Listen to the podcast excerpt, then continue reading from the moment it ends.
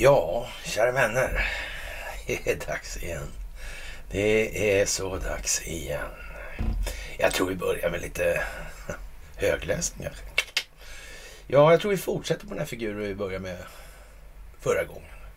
Det är liksom en eh, slags följetong över tidsaxlarna. Över de här olika perspektivens sekvenser globalt. Det handlar om John Foster Dall och hans vänner. Eller rättare sagt, det handlar om den djupa staten och dess kärna. Mm. Vem exekverade vad med syftet? Mm. Vilket syfte? Hur som helst, John Foster Dall hade förberett sig för den här uppgiften sedan sin tidiga ungdom. Vilket inte var detsamma som att han var obetingat lämplig för att lösa den. Han hade gjort sina egna ja, första erfarenheter på den internationella scenen redan 1907. Vad var det som hände då i Japan? Någon, var någon diplomat? Var det inte det? Ja, eh, var kanske det kanske? Från västland. Ja. Då han som ung student följde sin morfar till Haagkongressen. 1919 var han vid fredskonferensen i Paris medlem av den amerikanska delegationen. Den, ja, det var ju konstigt det där. Vad hände där? Vem blev det där eh, Inte ringde de där? Eh, vem var det som var chef för eh, så mycket? Eller vilka var det egentligen? Ja, det kan man fråga sig. Han kanske träffade någon där, om inte annat då liksom. Men ja, det var naturligtvis tidigare. Men ändå då.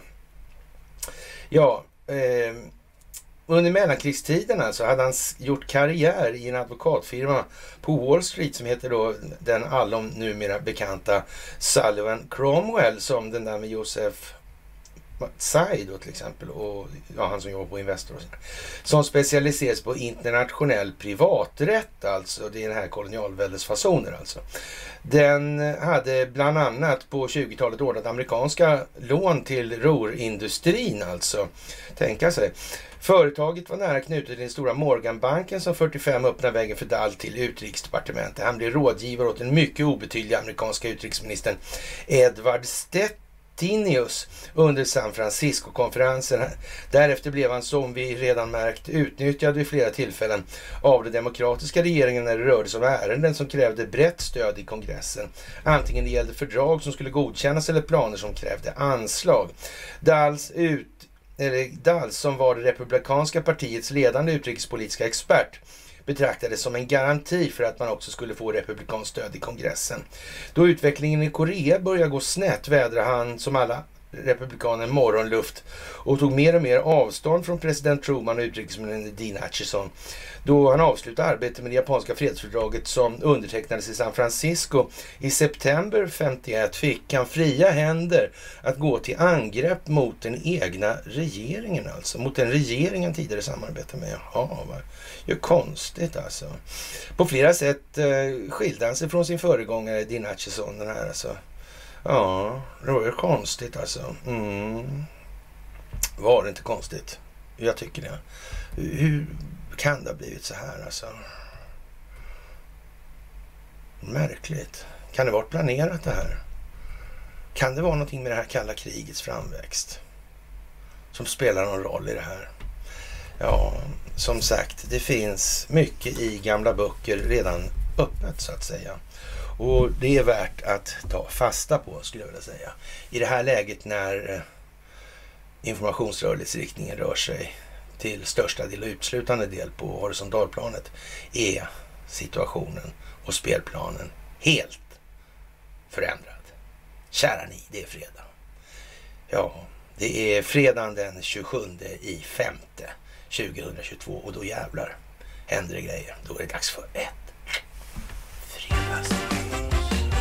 Ja, ja, ja, ja. Och som vanligt, käraste ni. Ni ska ha det största av tack för allt ni gör i det här stingoperationsbaserade folkbildningsprojektet. Fantastiskt, fantastiskt, fantastiskt att få vara med om det här tillsammans med er. Ni ska ha det största av tack för gåvor på Swish och Patreon. Ni ska ha ett stort tack för att ni fördjupar er på karlnorberg.se och ni ska ha ett stort tack för att ni hakar på Telegramtjänsten, givetvis. Fantastiskt. Och eh, Free People's Movement podden går som på räls alltså. Det gör även grevarna grevarnas, ja vad ska vi säga, Yggdrasil där. Kunskapsträdet. Mm. Jättebra, jättebra, jättebra. Och det händer grejer. Nå så in i helvete. Det är nog helt otroligt. Så temat för dagens lilla ode. Ja, det får väl bli hur länge har egentligen den djupa staten varit avlyssnad av de krafter som motverkar den djupa staten? We've got it all, sades det ju. Det kan ju vara så faktiskt. Det gällde att skapa en rättslig grund för det här. Och vi är nu i den fas där den här rättsliga grunden ska utgöra bär, både bärighet och bäring mm, för den vidare utvecklingen i det öppna. Fantastiskt. Bravo! Ja, alla är naturligtvis inte på bollen i det här avseendet, men vi är det ju och eh, vi har till uppgift att sprida den kunskapen vidare. Det är vår roll i det här och det tar vi fasta på efter förmåga. Så är det också. Och ja, vad ska vi säga egentligen alltså? Det är samma sak som vi pratar om just med John Foster och det här kalla kriget. Mm. Det är ju så. På insidan av det här fanns naturligtvis hans bror. Mm. Erlendal. Inom underrättelsetjänsterna. Inom samma advokatbyrå. Mm. Kan det ha varit en kombination? En anmärkningsvärd grej som man ska dra sig till minnes är det här. Det är ju faktiskt Washingtonförhandlingarna. Att de här två gökarna var de som försvarade familjen Wallenberg mot de allierade och amerikanerna. Mm. Det kanske säger en hel del alltså. Det kanske säger en hel del. Mm. Att det kunde bli så illa. Ja. Så det, går, det, det, blir svårt det där med Soros, det blir svårt det där med rymdödlorna, det blir svårt med judekonspirationen, det blir svårt med väldigt många saker i ljuset av verkligheten. Det är bara så, man får ursäkta alltså. Man är fri att tro och tycka vad man vill alltså, men saklig grund är vad det är i det sammanhanget. Jaha, och det är naturligtvis eh, förfärande då när det är nya hårda strider i östra Ukraina och folkmordspolitik i Aftonbladet. Och då säger TT så här i den frågan. Eh, helt oväntat kanske, men Boris Johnson har ju släkt från tiden där vid Ottomanska riket, eller Osmanska rikets fall alltså. Mm. Han kan, han kan många språk, jag tror det är sex faktiskt. Och han kan recitera Iliaden och Odysseen utan till. Han kanske känner till Prometheus-myten alltså. Möjligen kan han göra det. Ja. Vi kommer säkert tillbaka till den här i de här sammanhangen. Det finns ju de som till och med har namngivit vapensystem efter det. Jävligt konstigt. Som kommer in nu på slutet som förändrar hela spelplanen då. Hela den militära strategiska spelplanen förändras. Ja, och det sker alltså efter man då så att säga i, ja, i, i gängse militär mening då har redan så att säga ett klart övertag. Då blev det inget bättre av det där precis som kom just. Mm, men det kommer vi tillbaka till. Hur som helst, Ryssland gör långsamma men påtagliga framsteg i Donbassregionen, säger Storbritanniens premiärminister Boris Johnson. Jag tror det är otroligt viktigt att inte låta sig invaggas i säkerhet av hjältemodet hos ukrainarna som håller ryssarna borta från Kiev, säger Johnson till Bloomberg. Eh, jag är rädd för att Putin eh, till ett högt pris eh, för honom själv och den ryska armén fortsätter att vinna mark i Donbass där han fortsätter att göra gradvis eh, långsamma men också eh, är jag rädd eh, påtagliga framsteg. TT alltså. Jaha, tidningarnas telegrambyrå alltså. Därför är det absolut nödvändigt att vi fortsätter att stötta Ukraina militärt alltså. Dela ut eh, mer vapen till exempel är en bra grej då. Sen att ryssarna tar vapen, det är en annan femma. Det gör inte så mycket. Men, men då behövs de ju inte på hemmaplan i alla fall. Eller så finns de ju inte på hemmaplan. Och, och, det kan ju faktiskt i akt och mening, eh, det kan ju vara så att det finns rätt mycket folk i den djupa staten som har så att säga begripit en massa saker men som håller i det här spelet eller den här kursinriktningen eller så. Av skäl som kanske inte är så där moraliskt alltigenom föredömliga. Det skulle kunna vara så också. Och då kanske det är bra att de inte har tillgång till riktigt så mycket militär utrustning som de skulle ha om man inte skänkte bort de här sakerna. Är det någonting som är totalt misslyckat då när man ska då hålla lag och ordning på en ja, så säga, anständig nivå i ett samhälle. Någonting som vore förödande för det, det är att det dräller runt en massa jävla granatgevär och pansarskott liksom. Det, det, det, är helt misslyckat. Det ska man se till att det inte gör. Det är kanske bland det sämsta. Så, så de ska man helst göra sig av med då i det läget. Mm. Och, och det verkar väl vara lite grann som att USA har ju gett bort en väldigt en ansenlig del av sin kapacitet i den meningen och kan inte få fram nya. Därför har de beställt nya också. Ja, Sverige. Ja. Och, och, Sverige kan ju inte få fram några nya. Vi har ju gett bort nästan alla våra får man nästan misstänka. Och, och ja, och, och, eftersom USA har beställt då så. Ja, ja, ja, då kanske. Jag menar krigsmaterielindustrin, de är ju vinstmaximerande. Och, och, och om Sverige kommer tvåa på bollen, ja. C'est la vie liksom. Ja, lite speciellt kanske nu. Va? Och eh, det är väldigt oväntat det där kommer naturligtvis. Måste jag nysa. Ja, ursäkta. Jag får säga prosit till mig själv då. Och i det här sammanhanget spelar då MSBs roll en ganska... Eh, den fyller en viktig uppgift alltså. Och MSBs huvudsakliga uppgift nu det är att få människor att förstå att Sverige inte har någon beredskap alls vid kris alltså. Det är det manus som går efter. Det här är rena lekstugan. Ingenting annat. Men vore det inte bra om vi hade en viss samhällsberedskap? Den här planeringen, alltså var det ett genidrag att sätta dit eh, Dan Eliasson verkligen? Han har lyckats förstöra allting. Det verkar precis som det gjordes med flit. Mm. Och som sagt, frågan är hur länge har den djupa staten varit medvetna om att den är avlyssnad? Och när blev stacklet så att säga, offentliggjort för dem? Många hade ju misstänkt det alltså ända bak till, till eh, vad ska man säga, kraschen 7-8 där alltså, 9 där. Det, ja, sådär. Och Handelsbankens 64 miljarder från Fed och sådär. Det måste ju folk ha på insidan ha förstått att vad fan är detta för något alltså. Ja, och när Snowden ja, läcker de här grejerna. och, och, ja, får åka till Ryssland liksom. De har ju i alla fall underrättelsetjänsterna för länge sedan fattat att fan i helvete, då är vi avlyssnade. Ja, så. Mm. Men, men så är det här, det här folkbildningsprojektet pågår ju då, eh, ja så att säga, i, i stilla akt och mening då under Obama-administrationen här då. då. Och då, eller då. Och, och någonstans så vad spelas det här då mm, i en given utvecklingsriktning med ett givet syfte. Och sen vänder det in då och ut när Donald Trump blir president. Och då ställer han så att säga den ordning som ska råda efter hans första presidentperiod. Det ställer han en ordning för då alltså. Det är det vi ser nu här och befinner oss i alltså. Och det här med We've got it all.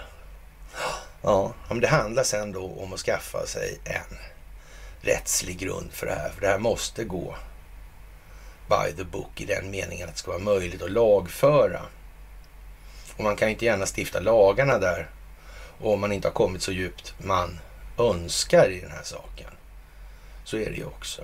Det kan ju vara så att till exempel lärare på högskolor, eh, ja, vad ska vi säga, eh, ja, eh, en och annan advokat såklart alltså. Och, ja, en och annan journalist och lite sånt där. Ungefär de vi brukar räkna upp i det där tåget som kommer lämna med bankirerna då. Ja, kan ju kanske vara så att till och med den, det ska ner så djupt alltså och så brett. Jag kan, jag kan tänka mig att i dagens läge just nu när eh, ja, det är så mycket som kommer och de här dammluckorna som vi brukar prata om då, öppnar sig på en bredd som inte var 50 utan det var tusen eller 50 000. Ja, det var lite mer än de hade tänkt sig helt enkelt.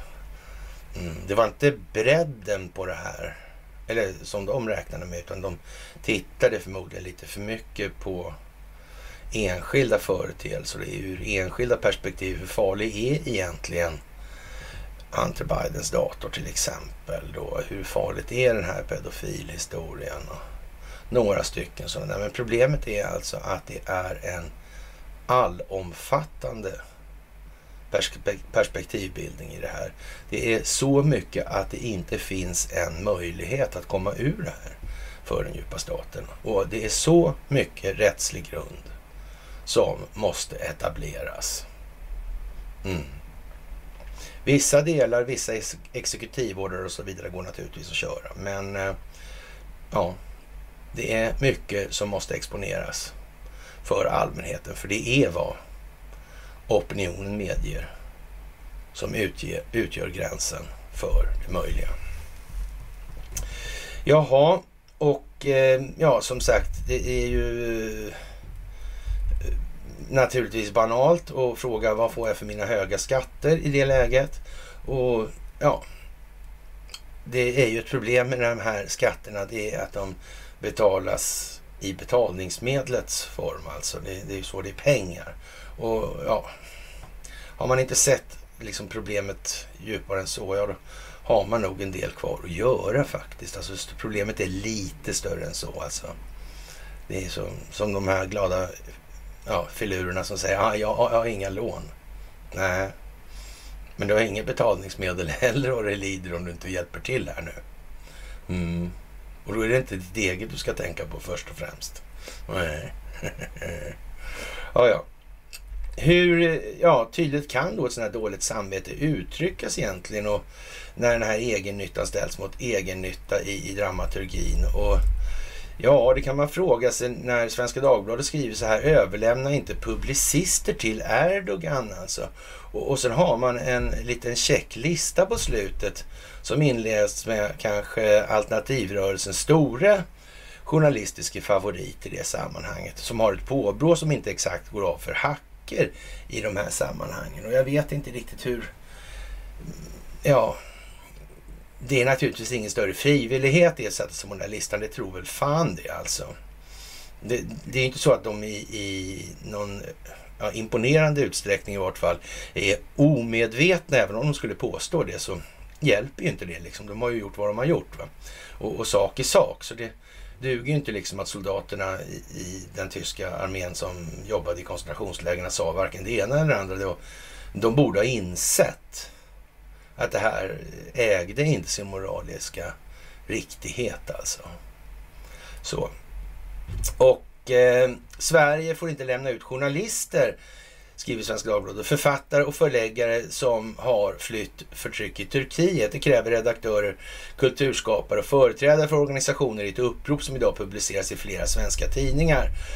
Och när Sverige och Finland ansökte om att bli medlemmar i försvarsunionen NATO ställde Turkiets president Erdogan en rad krav. Ett av kraven ett, var då att ett antal svenska journalister, författare Eh, och förläggare som har sina rötter i Turkiet ska överlämnas till Turkiet. Turkiets krav väcker med all rätt oro och obehag i hela Sverige.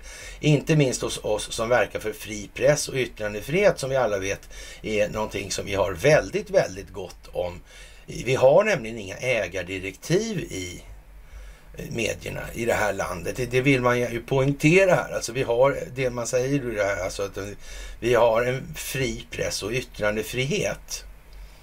Och jag är inte sådär, där, alltså, ja, de kan inte ens gärna tro på det de skriver om man säger som så. Alltså det, jag, jag tror det har framkommit vid det här laget att det inte, kanske inte är riktigt så som det beskrivs här alltså.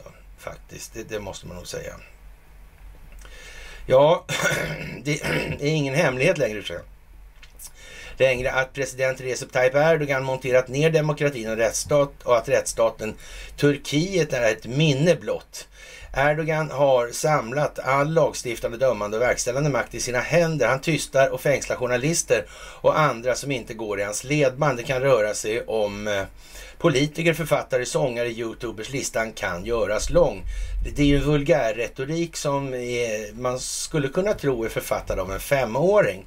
Men, men, eh, det är ju som sagt för att göra optiken uppenbar för att människor ska förstå vad det här är för någonting. Och det hajar ju ni vid det här laget. Och jag känner mig ju så att säga som the chosen one. Nej, men lite grann sådär. Jag tycker det är fantastiskt att få sitta och, och hålla det här på den nivå som vi gör alltså. Det tycker jag är jättebra alltså. Och, och ja, faktiskt. Det känns otroligt skönt. För det är ett ganska fint tecken på att vi är på väg och vad vi ska i den här saken då.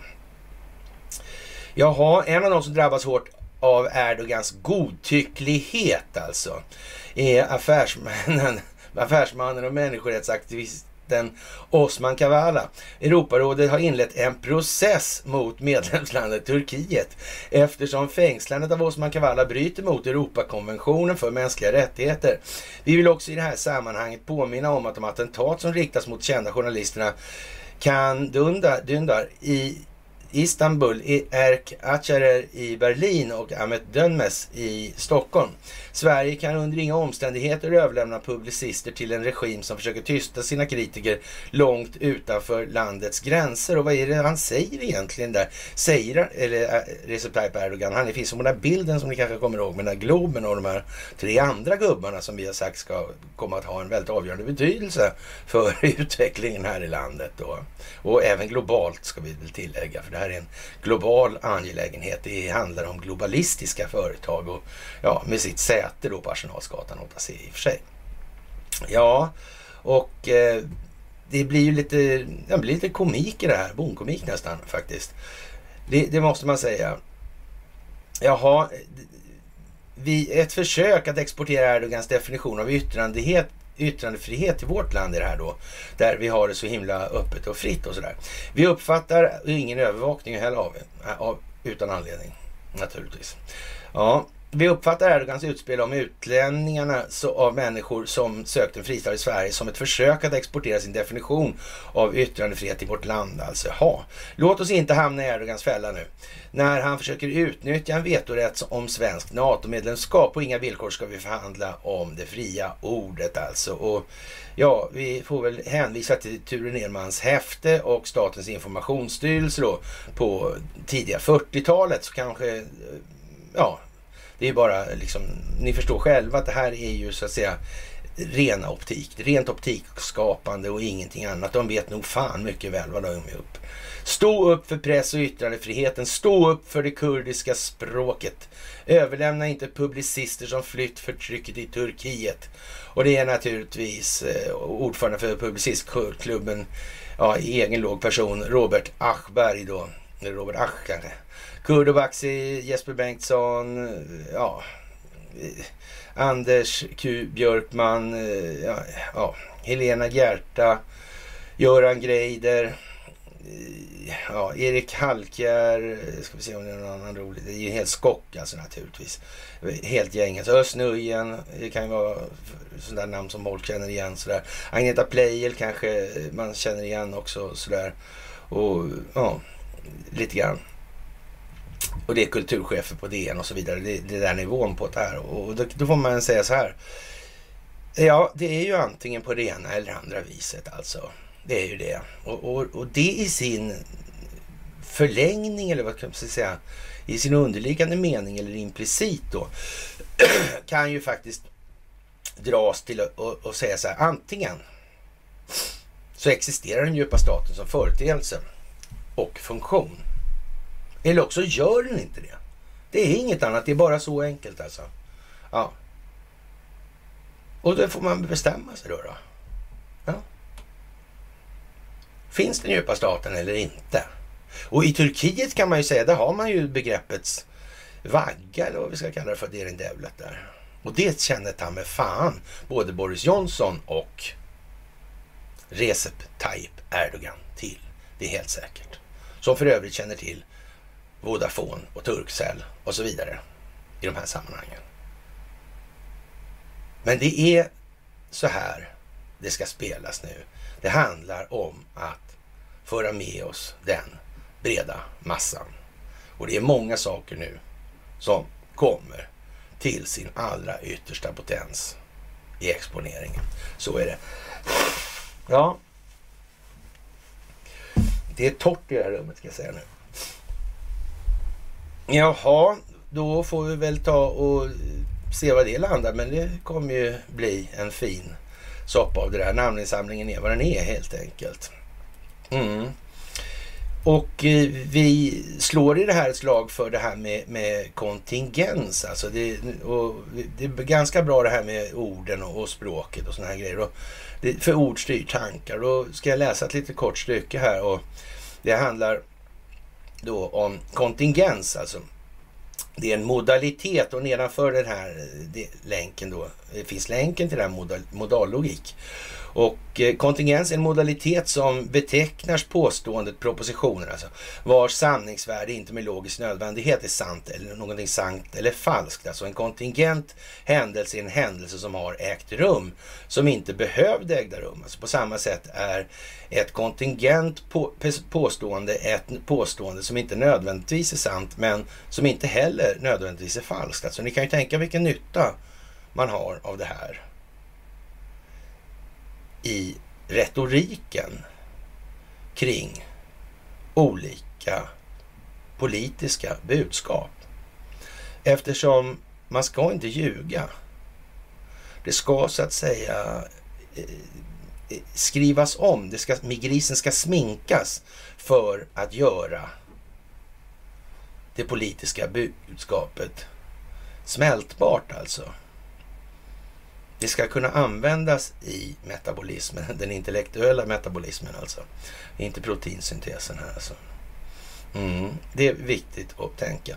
Av de två följande sanna påståendena är det första kontingent samt medan det andra är nödvändigt sant. Alltså Saras storbror springer långsammare än Sara. Saras storbror är äldre än Sara alltså. Det är ju liksom eh, vad ska man säga, Sara, Sara storbror springer långsammare än Sara. Ja, men det kan ju vara just för tillfället och, och så. Det kan ju, kanske Sara springer fortare än honom någon annan gång eller sådär. Ja, men äldre är svårare att, att manipulera på det viset. Det, det, är ju liksom ganska absolut. Jag ska inte larva mig, det, det är helt absolut så. Ja. Det första påståendet råkar kanske vara sant, men det skulle kunna, lika gärna kunna vara falskt alltså. Det andra påståendet skulle däremot inte kunna vara falskt. Det är logiskt nödvändigt att Sara, Saras storebror är äldre än Sara. Och om han inte vore det så vore han inte hennes storebror, helt enkelt. Det, det är liksom det här då. Och det här ska ni tänka på nu. I det här, det här handlar om semantik alltså, det handlar om retorik. Det här är viktigt alltså att komma ihåg att vad, exakt vad är det de skriver för någonting? Och med vilket syfte? Det är ju det här, vad egentligen står det mellan raderna här? Vad finns det för möjligheter och möjliga tolkningar? Alternativa innebörder av det här budskapet av informationsinnehållet. Och, och utifrån det då, vilken värdeladdning innehåller det här egentligen? Är det bara ordsallad eller som ingen har tänkt på? Det är ju det som är frågan alltså. Men när man blir lurad så ligger det väl någonstans i själva fundamentet att man har underskattat någonting och överskattat någonting annat. Är det inte så? Med viss nödvändighet. Om man blir lurad mot sin vilja. Mm. Det är ju så. Eller hur? Mm. Så det här är viktigt alltså. Andra modaliteter är möjlighet, omöjlighet och nödvändighet alltså. Det, det, kan man ju tänka på. Och så finns det modallogik som länk till det här. Det, det, jag vill slå ett slag för det, för det är liksom en enkel så att säga, pedagogisk metod att hamna rätt på spår i fråga om det här med språkbehandlingen. Och jag är inte sådär jävla förtjust i de här, eh, vad ska man säga, särskrivningsentusiasterna nu som håller på med ordbrytningar och, och, och så. Det, det, är bra alltså, det, det är inte det. Men, eh, men, men, det, blir lite, det blir nästan lite sådär Göteborgshumor av det till slut alltså. Det är inte riktigt så enkelt hela tiden alltså. Och, och man kan säga så här att Eh, om man har eh, ja, ett begränsat vokabulär, alltså då, eller begränsat ordförråd så, där, så tenderar den typen av övningar så att säga att eh, leda tanken lite på villovägar i förhållande till verkligheten helt enkelt. Det är närmast det jag, jag känner att det, det, är lätt hänt alltså. Så var lite försiktiga med det där helt enkelt. Så. Ja, som sagt, det är mycket nu i de här sammanhangen.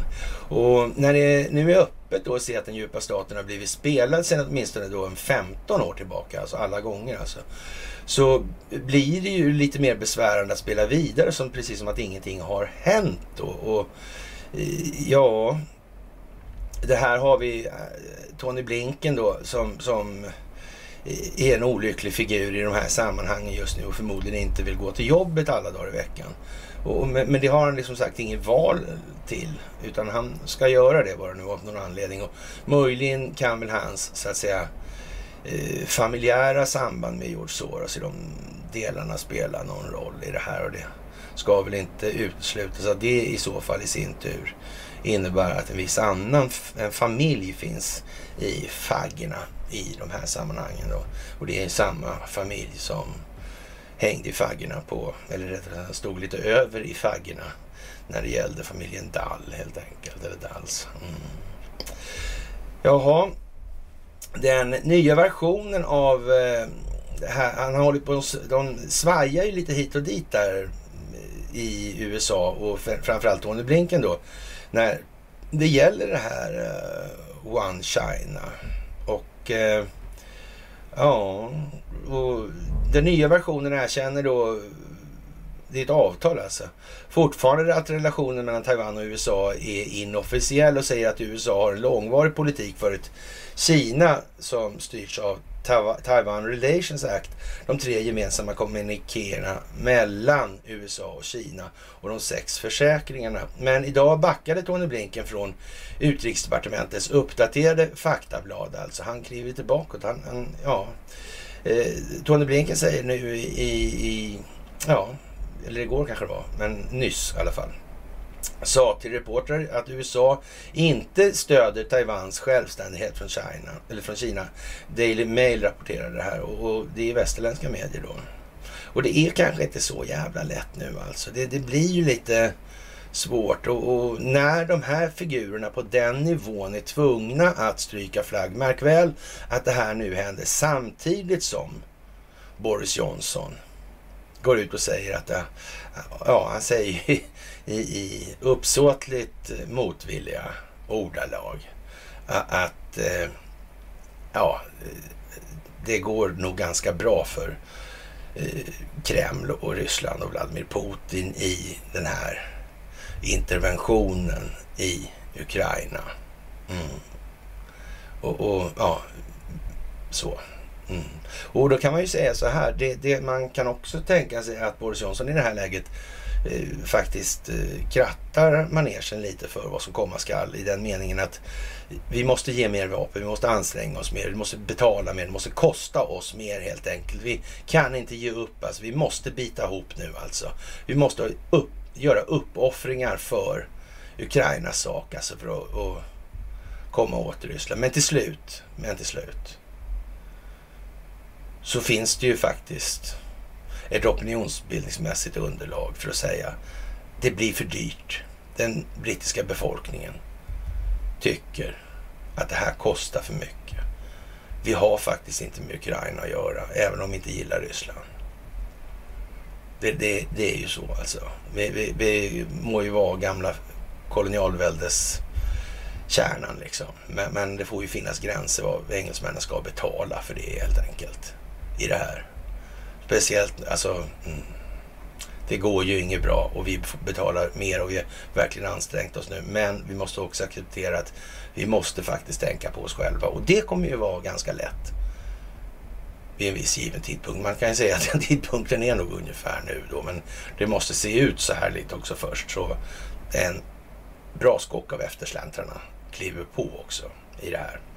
Ja, och eh, det är ju lite speciellt. Utrikesminister Blinken alltså utfärdade en skarp varning på torsdag morgonen att hotet, var igår här alltså, att hotet från Kina kommer att testa USAs diplomati som ingenting vi någonsin har sett förut alltså. Eh, ja, det kan man säga. Ja. Men insisterade på att Amerika inte vill ha ännu ett kallt krig och inte stöder Taiwans självständighet alltså. Mm. Ja, han sa också i talet vid George Washington-universitetet att Kinas samarbete med Vladimir Putin efter hans invasion av Ukraina slår, gör att det ringer varningsklockor. Peking under Xi Jinping har mer repressiv hemma och aggressiv utomlands. Är mer repressiva hemma och är mer aggressiva ut, Eh, utomlands då och anklagade kommunistpartiet för att försöka undergräva den globala ordningen. Och frågan är ju lite grann då om inte den amerikanska befolkningen kommer reagera på att det här kinesiska kommunistiska partiet har eh, affärssamröre med, med den amerikanska residenten. Förr eller senare kommer amerikanerna reagera på det här. Mm.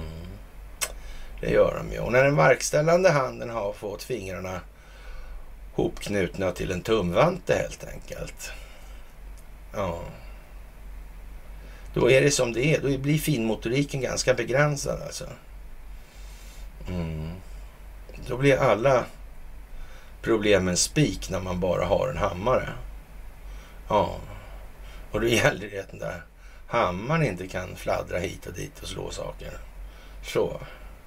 Om man gör den liksom visuella analogin i det här. Kan det vara någon som har tänkt så här? Eller är det bara jag som kan tänka så på hela planeten? Det är ju inte det. Det är inte bara jag. Det är fler. Ja, och för att inte tala om vad de här datorerna kan. Så är det. Ja, ja. Det är ju lite eh, speciellt alltså. Mm. Det här med att Eh, anklaga kommunistpartiet för att försöka undergräva den globala ordningen. Ja, vad är det för ordning som har rått då alltså? Som man försöker undergräva. Det är väl den ordning som har lett oss hit i alla fall, det kan man väl utgå ifrån. Och där finns väl historiskt sett de här bröderna Dall och där finns Investor. Det finns telekominfrastrukturell kontroll. Det finns ett militärindustriellt komplex. Det finns ett underrättelsetjänstkollektiv. Vi har hållit några föreläsningar om det här faktiskt. I akt, syfte och mening att eh, komma just hit. Och nu har vi kommit hit. Nu finns det här, så att säga, dokumenterat på nätet. Och jag kan säga så här, det är inte många bokstäver sagda, uttryckta i de här sammanhangen som inte haft en baktanke för att leda. Faktiskt just precis hit. Konstigt va? Det var liksom inte gissningar och hittepå. Inte då heller. Konstigt. Så det kan bli när det slumpar sig om man får tid. Då är det tur alltså. ja, ja, ja, ja, men så kan man säga. Mm. Jaha, Eh, Blinken la upp Biden-administrationens politik gentemot Kina efter att presidenten höjde, höjde på ögonbrynen genom att säga att USA skulle engagera sig militärt om det blev invasion av Taiwan. Och där har man ju så att säga eh, en viss splittring då mellan utrikesdepartementet och, och då eh, residenten. Och, och, det kanske inte är sådär eh, jättebra i alla lägen. Fast det kan ju vara så in i helvete bra ur andra perspektiv och andra lägen. Mm. Så kan det vara. Det beror ju lite på syftet alltså. Vad man uppfattar att syftet är med det här. Och, och där kan vi väl säga så här att vi började gnälla på defaitisterna förra gången och, och, det här kan man ju säga då att de som tar de här lätta lösningarna, alltså det kommer quantum force, stralala liksom. Mm. Ja, men problemet är att övergången måste ju ske på något sätt i så fall. Och, och det går ju liksom inte att bara sätta alla banker i konkurs pang bom. Och, och sen inte, då måste man ju ha förberett allting på något vis, alltså med betalningssystem och så här. Då måste, några saker måste så att säga, exponeras för att människor ska förstå att så här kan vi inte göra och lite eh, sådär eh, ur ett mer allmänt folkbildningsperspektiv här. Alltså, så, se till att den breda massan åtminstone vet i vilken ungefärlig riktning det är lämpligt att rikta tankarna. Så. Ja, det, det är ju liksom eh, speciellt får man nog säga. Blinken har ett mycket misstänkt förflutet säger Gateway Panoid och det kan man väl jag vet inte vad man kan säga. Han har ju, han, vadå misstänkt förflutet? Det, han har ju det förflutna han har naturligtvis. Och vad det, hur det ser ut i sak på ena eller andra sättet, det är ju en lite annan fråga liksom. Det är inte misstänkt liksom på det viset. Det, han har ju det han hör, har som sagt va. Och, och kanske det är därför han gärna överlämnar Taiwan till, till Kinas kommunistiska parti. Alltså. Blinkens föräldrar är nära George Soros och det, det är väl ingenting det, det, kan man säga, så, ja, det är väl inget mer med det och man kan väl anta då att och om de har hållit ihop så länge så kan man väl någonstans eh, anta att de, någon, en eller annan eh, omfattning och djup och såna här grejer delar känslogrunden och värderingar. Det kan man väl nästan misstänka. De lär inte eh, känna sig som några jävla dipoler i alla fall. Alltså. Det, det lär de inte göra. Alltså. Nej, eller motpoler då. Och eh, ja, Biden-regimen blev ju synad i med det här då. Nu är det ju liksom inte någon... Det är väl ingen höjdare när utrikesdepartementet och residenten pratar på två helt olika språk och säger eh, uttrycker två helt olika viljeriktningar. Det kan man ju säga är lite sådär... Eh, ja, man skulle kunna rent av säga att vi tog ju det så här förra gången det här med failed state då. Och, och, det är väl inte utan att det här börjar sortera in i det där på något vis igen eller annan mening. Så kan man i alla fall säga. Det är helt säkert. Ja, Biden-regimen blir alltså synad i det här och torskade alltså big time då i den meningen. Och, och det här är ju en riktig vattendelare nu idag inför den här helgen. I så mått. Nu kommer det att bli en massa, massa, massa saker. Och som sagt, som vi sa från början är det här, vad handlar det här om? Ja, hur länge har egentligen den djupa staten varit avlyssnad? Och när det här börjar komma ut på den nivån högst upp att det splittrar sig, ja då kan man ju säga så här, då vet man ju med ganska stor säkerhet att det rättsliga underlaget för den vidare utvecklingen, det är färdigställt så. Och det handlar om det här Sassman-fönstret som öppnas mer och mer i de här dammluckorna som öppnas mer och mer om ni vill har det i den metaforen. Det spelar ingen roll, det är samma sak jag beskriver. Och där är det ju eh, som så att det som händer till slut är ju att inte, ja, så att säga den meningen eh, det öppnas och öppnas. Det är inte det, utan det som händer till slut är att man sliter bort fönster, fönstret så. Det är bara karmarna kvar. Och då går det inte att stänga fönstret längre. Hur gärna man än vill. Det är vad som händer då. Mm. Så får man fundera lite på det här nu. Var befinner vi oss nu i den processen?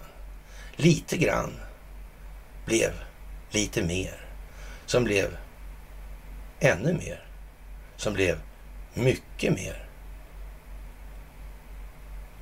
Och så vidare i superlativ riktning. Mm. Till slut så åker alla möjligheter till minskning. Mm. Trycket är för stort. Verkligheten kommer råda. Så är det bara. Jaha. Och eh, ja, amerikaner uppskattar inte det faktum att varje åtgärd som Biden-administrationen eller underlivsporslinadministrationen gör hjälper Kina och skadar USA. Märklig historia det där alltså. Känns eh, otroligt fumligt och klantigt gjort helt enkelt. Eller något annat. Frihet är inte en del av Biden-agendan. Nej, det torde ha, ha framgått. Eh, och jag tror att folkbildningsprojektet börjar bli rätt uppenbart för de som följer de här mysen till exempel. I den meningen. Det, det, det är nog så. Och eh, det här det är ingen överdrift alltså att påstå att det här är allvarligt för den tidigare världsordningen. Och det är meningen att det ska vara det. Ingenting annat. För de nu som till äventyrs tror det. Ja.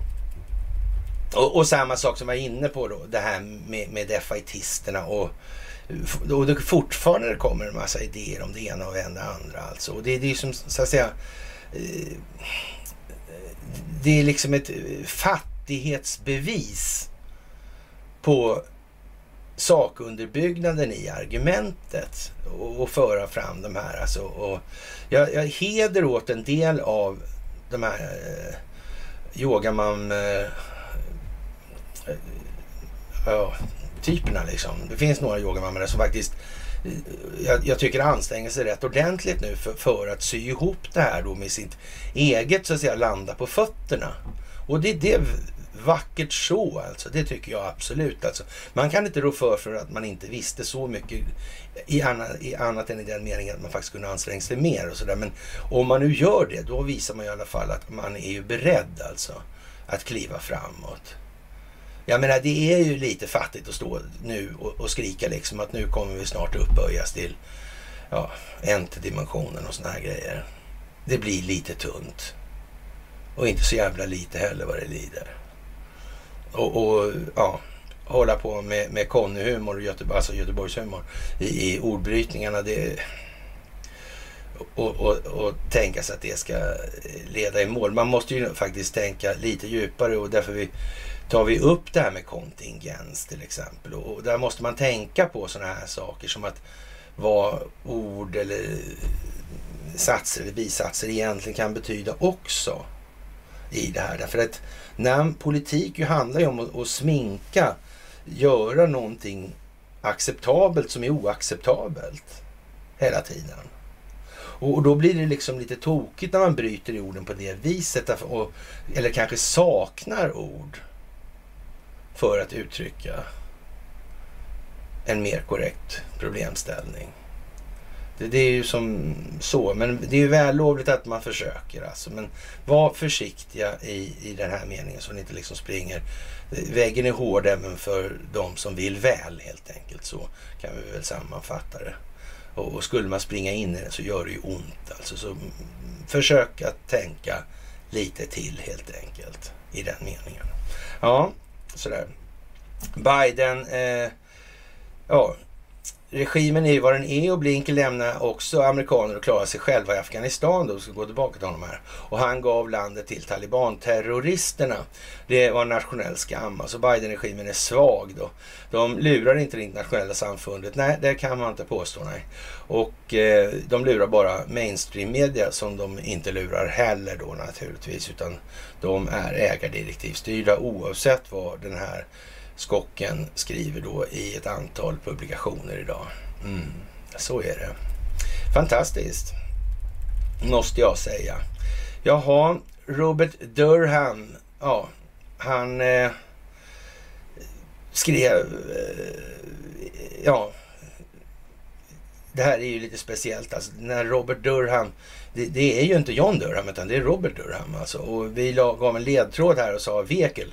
Och alltså fordon, transport, alltså verktyg för någonting alltså.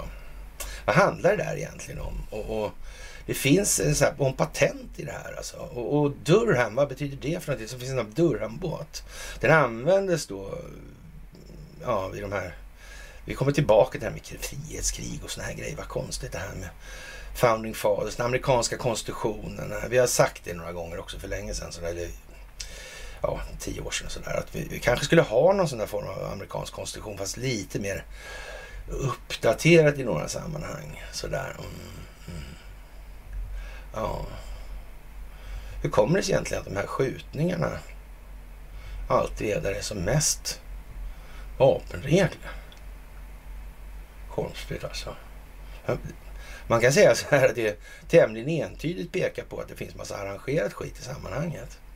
Mm. I Sverige går det inte att ha några skolskjutningar. Det har varit en gång 1961 då. Men i övrigt har vi inte haft det. Men det kan ju bero på att det inte finns några. Det skulle inte vara ett dugg trovärdigt att genomföra. Men det kanske säger någonting om vem fan det är som så att säga, anstiftar de här grejerna. Konstigt att det alltid är likadant också.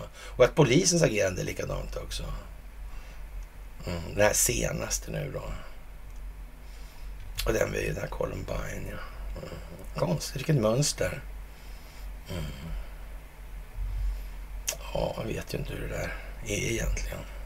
Fundera lite helt enkelt. Mm. Vi får väl se. Det lär ju visa sig om man säger som så. Ja, Det är ju som det är alltså. Men den här Robert Durham, han har i alla fall en massa patent då i eh, sammanhanget när det gäller då till exempel transmissioner och så här. Mm. Trafikfördelning på nätet alltså. Mm. Kan det vara något? Ja, vi får väl se helt enkelt. Vi får väl se. Jaha, EU vill se sänkta ränteavdrag och man kan ju stilla undra i, i det här alltså. Från början var det ju 100 procents ränteavdrag. Jaha. Ja, ja, alltså, alla pröjsade amorteringarna rakt av liksom. Alltså, var det lugnt. Alla tog mer lån och mer lån och mer lån så minskade man efterhand och det där. Men det gick ju inte. Ja, jaha. ja, ja, ja, ja. Ja, ja. Se där ja. Som det kan bli helt enkelt. Och vad händer egentligen om man så att säga hypotetiskt vill eller om man nu vill sänka bolånemarknaden. Mm. Och det blir ju någon form av förtroendemässig vattendelare om man gör så. Det kommer ju bli liksom befolkningsmässiga opinionsbildningseffekter. Ja, men då kan man ju tänka så här då. Om man nu verkligen vill göra det, då sänker man ju ränteavdragen. Ta, ta bort dem helt. Nu ligger det ju faktiskt helt otroligt nog, och det tänker inte folk på. Hur i helvete kommer det sig att det ligger ränteavdrag kvar i ekvationen i det här? Alltså, för rent fördel, bara rent fördelningsmässigt alltså. Det är ju liksom en abomination, alltså det, det är, eller en abnormalitet eller vad man ska säga. Det är ju helt sinnessjukt liksom. Det kan det ju inte göra. Vad är det för någonting? Och ingen säger någonting för de har nytta av det själva. Jaha, men de är inte så egennyttiga. Nej, nej, nej, nej. nej. Nu ska inte jag berätta en massa skrönor om hur, hur det här var för länge sedan. Det upptäckte jag faktiskt nämligen tidigt det här. Och, och, på den tiden kunde man ju för fan hålla på hur som Och det tror jag ni förstår att jag faktiskt gjorde också då. Sådär. Och, och det var ju rena lekstugan. Och så där kunde, inte de, kunde de bara inte ha det. Liksom. Det där skulle ju sprida sig som fan. Då, det var ju liksom, man hade ju det som en bankomat mer eller mindre alltså. Det är, det är väl preskriberat nu tror jag. Inte för det spelar någon roll om det är det eller inte för den delen. Men i alla fall, det är ju lite komiskt. Hur i helvete kunde det bli så här? Ja, hur kunde det gå till så? Det handlar om opinion. Mm. Att ingen har höjt liksom en... Att ingen politiker säger att man... Äh, men vi tar bort ränteavdragen. ja, så det går inte att säga så, nej. Nej, nej, nej, nej, okej, okej, okej. Ja, man kan ju säga så här att om politikerna säger det. Så, då, då kan vi stryka det politiska partiet. Då kanske de blir missnöjda då. Så skvallrar de ner de andra. Man kan säga att eftersom ingen politisk deltagare i horhuset tar upp den här frågan så säger det om någon form av ja, konvergens eller konformitet finns det ju i det här uppenbarligen då. Någon borde ju förstå att det där är helt sjukt. Man kan tycka det i alla fall. Faktiskt. Det kan man tycka. Och man skulle ju kunna tycka då att eh, om, om man, eh, eller rättare sagt redan tidigt, kommer och säger så här som Åsa-Nisse då. Och, och det, här, det, här, kan man inte ta på en gång. Alltså det, det har varit svårt ändå ska jag säga att väga, väga liksom vad som är vad. Det har jag absolut inte varit mogen att, att komma med sådana här saker som jag kommer säga nu. Alltså det, men, men om nu Åsa-Nisse upplever ett sånt jävla problem med överskuldsättningen. Mm. Och säger att samhället måste ta sin del av ansvaret i det här. Okej. Okay. Borde han inte ge då en, hän, en liten hint kanske om att säga så här. Ta bort ränteavdragen så lär de inte låna lika mycket pengar. Punkt slut. Det, man kan tycka det, ja precis. Det kan man faktiskt tycka att han kunde ha sagt. Men det gjorde han inte. Var inte det konstigt? Och det, det här är den typen av... 2006 tänkte jag då Ja, det från 2016. Jag åkte till Almedalen varje år och hade mig liksom och förstörde en massa seminarier i ekonomi sådär. Och förresten lovade jag ju förra gången att aldrig mer prata om ekonomi, men det får bli lite sånt här ändå då. Men ja, och så. Eh, ja, och, och stöka till det. Och sådana här säg, grejer då, för det var ju uppe redan då den här diskussionen med överskuldsättning och sådana grejer. Och det var lite dålig ekonomi där 8-9 då med Grekland och, och, så vidare. Eller med, med kraschen då. Sen så vart det lite Grekland sen. Så det var ju hela tiden då. Och, och, när man slänger in sådana här prylar då, så då stelnas det bra mycket alltså. Det stelnas bra mycket. Och då är det liksom, det är ungefär som med den här fantastiska Sven-Erik Österberg alltså. Han med, ja, jag berättat en massa gånger, men skogshuggartypen där liksom som jag tyckte var bra att förklara det här med pengarna hur mycket som helst och monetärmekaniken. Alltså jävla förklara vid flera tillfällen då inför publik och sånt här också. Så det var, ja, och sen blev han vice ordförande för Riksbanksstyrelsen. Ja, ja. Det var lite mer korrumperat än vad jag trodde. Det var väl så. Ja, ja. Sådär. Men det har jag sagt så många gånger Men ändå, jag tog det igen. Ja, och det blir liksom en tillbakakaka här nu då eh, faktiskt. Och eh, som sagt, man sänker, vill nu från EUs sida sänka den svenska bolånemarknaden rakt av. Alltså naiva barnatro. Minns när det var 100 procent. Man kanske ska fundera lite på varför det var 100 procent från början och så vidare när EU vill se sänkta ränteavdrag i Sverige. Det här är liksom en mycket, mycket, mycket större grej än vad det ser ut som kanske. Och folk ska i alla fall fundera lite på det här alltså.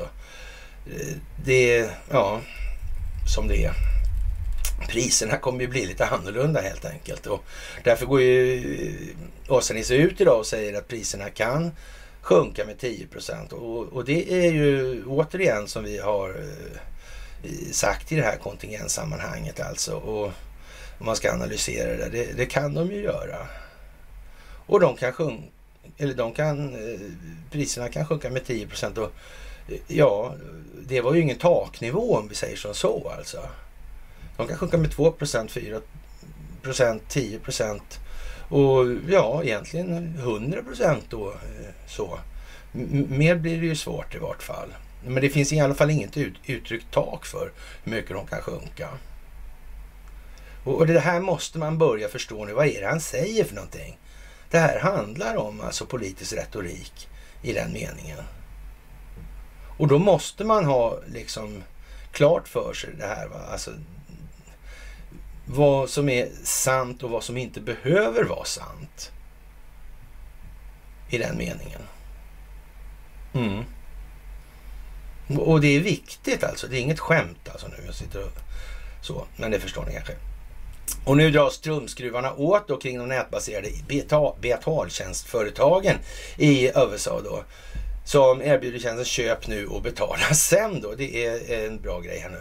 Och ett av dem är svenska Klarna. Och i det här läget så blir ju senet, det kommer ju alltid längre bort då i det här. Men då, ja, då är det ju som det är. Och som vi har sagt då efter skuldmätandet så kommer ju kreditvärdigheten att behöva sänkas då efterhand. Och förra gången löste man det med den här subprime-lånen då.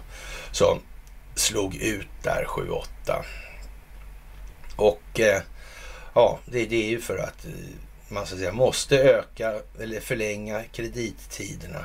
Man måste sänka räntenivåerna och man måste sänka kreditkraven för att det här ska fungera. Man måste uppbåda all betalningskraft som är möjligt, möjlig då, utan att haverera förtroendet för systemet helt och hållet, vilket var eh, förhållandevis nära i alla fall den gången. Så man försökte nog där, men det gick inte på något vis alltså. Man ville nog inte då haverera det, men det gick inte. Det gick på stopp. Då. Och det innebär ju det här, den här avlyssningen har pågått en bra stund innan dess alltså av den djupa staten. Mm. Så är det också. Mm. Och man kan väl säga att eh, ett visst, om vi ska uttrycka det som så, ett visst eh, tryck har nog utövats på de mera i kärnan belägna delarna under väldigt lång tid nu alltså. Mm. Men man har inte så att säga meddelat hur mycket man själv vet i så mått, utan det har så att säga skett till dolda även där tills det blev nödvändigt att vara lite mer öppen med saken. Tills att det blev så ända in i helvete nödvändigt att visa upp, ja, det man ska säga, med Snowden är ju så att säga en markör. Det kan man säga. Donald Trumps presidentskap är en markör. Och eh, amerikanska justitiedepartementets övertag av Ericsson är en tredje markör. Det kan man säga. Ja, om man ska se en liten kronologi i det där. Jaha, och eh, Sveriges nya finansmarknadsminister Max Elger, socialdemokrat, har sett en ökning av konsumtionslån i Sverige och menar att det skapar problem även här alltså. Och eh, tumskruvarna dras alltså åt kring de nätbaserade betaltjänstföretagen i USA som erbjuder tjänsten köp nu och betala sen. Ett av dem är alltså svenska Klarna. Och hur var det? Var det någon eh, rapartist inblandad i det där på något vis? Alltså han var väl i ropet förr när det gäller Sverige också. Det handlar väl om det svenska rättssystemet om jag inte missminner mig och kommer ihåg fel vad Robert O'Brien uttryckte att saken egentligen handlade om i de här sammanhangen. Men det kanske är en ren slump att allihopa går igen på det här viset. Nu ska betaltjänstföretaget Klarna kontrolleras i USA. Problem efter köpfesterna i höstas, Black Friday och Cyber Monday har alarmerat den amerikanska konsumentmyndigheten Consumer Financial Protection Bureau, eh, CFPB Fem betaltjänstföretag som tillhandahåller tjänsten Köp nu, betala sen ska undersökas. Ett av företagen är svenska Klarna med den nya finansmarknadsministern Max Elger som ser precis samma problem, eller liknande problem i vart fall i Sverige. Absolut, vi har under senare år sett en ökning av sådana här konsumtionslån och risken är att enskilda människor råkar illa ut, säger finansmarknadsminister Max Elger till SVT. Och jag vet inte vad man ska säga i, i så mått och, eh, om man är så dum i huvudet är han inte naturligtvis. Utan han spelar sin roll som så dum i huvudet. Eh, vill inte intervjuas i alla fall gäller Klarna som inte vill låta sig intervjuas i SVT.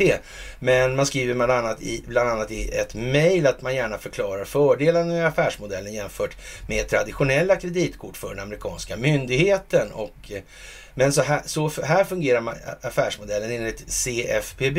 Affärskedjorna betalar en avgift på 3-6 procent av köpets värde till betalningstjänstföretagen som Klarna. Ju större beloppet är desto mer tjänar både affär och betaltjänstföretag. Konsumenten får möjlighet att dela upp återbetalningen men här menar amerikanska myndigheter att något händer. De uppdelade köpen blir större än om de betalas direkt och kunderna riskerar att tappa kontroll över slutsumman vid flera köp. Otillräcklig kontroll av kreditvärdighet är en annan fråga i det här. Amerikanska CFPB menar också att kontrollen av kundernas kreditvärdighet, alltså möjlighet att faktiskt betala tillbaka lånen, kan vara otillräcklig och riskera att bidra till en skuldfälla. Men det är klart, eller det är klart att man ska förhålla sig till helheten i konsumentens ekonomi och jag tror i brist på sådan information kan det lätt bli för lättvindigt menar finansmarknadsministern. Vad besvärligt helt enkelt alltså. Jaha. Ja, ja, ja, ja, ja. Mm, man får kolla lite där alltså. Mm. Ja, det är lite speciellt. Det kommer samtidigt här nu. Det verkar gå slag i slag alltså. Ja, och fem av tio fackligt aktiva på Klarna uppmanas att avgå alltså. Ja, det är också konstigt. Nu direkt så här. Det händer lite grejer, tycker du inte det? Jag tycker det är trevligt. Jag blir glad när jag tänker på hur det faktiskt är nu. Och att vi faktiskt har kämpat så gott vi har kunnat. Och det vi, kan vi vara helt trygga med alltså. Det är så naturligtvis. Mm. Och vi har ju i det här eh, förstått då att ja, vi har ju varit avlyssnade hur länge som helst har vi förstått och vi har ju kanske inte förstått att vi avlyssnar båda sidor i det här hela tiden också. Så, här, så vad vi har gjort, sagt och, och så vidare uttryckt i det här, det finns garanterat bevarat till undervärlden, eller alltså eftervärlden, inte undervärlden. Utan. Ja, ja. Jaha, Rysslands speciella militära operation fortskrider med väst propaganda maler på något felaktigt, om det felaktiga motsatta. Äger du verkligen dina egna tankar? Och nu kommer vi tillbaka till det här. Det handlar ju om orden alltså i det här. Det handlar om retoriken, det handlar om sakliga grunder och så vidare. Mm. Kom igen nu alltså. Ni grejar det här. Och ja, det kan jag säga. Varför håller jag på och tjatar om det? Därför att jag har sett det nu. Så många gånger. Så många gånger alltså. Faktiskt. Ja, det är alltså, jag har haft uppgivet folk i öronen och på dator och telefon så många gånger. Och jag har pushat och pushat och pushat och ja, hjälpt så gott jag har kunnat. Så. Och till slut, då blommar det bara. Då flyger det. Det är bara så. Och därför vet jag att det går. Det går, det går, det går. Punkt jävla slut. Hur som helst då, Ukraina erkänner ett stort nederlag alltså. I, i nu helt plötsligt. Ja. En eh, topprådgivare hos Zelenskyj medger förlust då av Liman, ett stort ukrainskt fäste i Donbass. Ryska trupper har tagit över staden Liman i norra Donetskregionen avslöjar regeringen i Kiev på torsdagskvällen, alltså igår kväll. Ukrainska styrkor har enligt uppgift dragit sig tillbaka i väst, sydväst mot Slavjansk. Vi har förlorat staden i Liman, staden Liman, erkände Alexej Arest, Arestovic läste jag först och tänkte vilket jävla namn liksom. ja, ja, ja, ja, ja, ja, Arestovic liksom.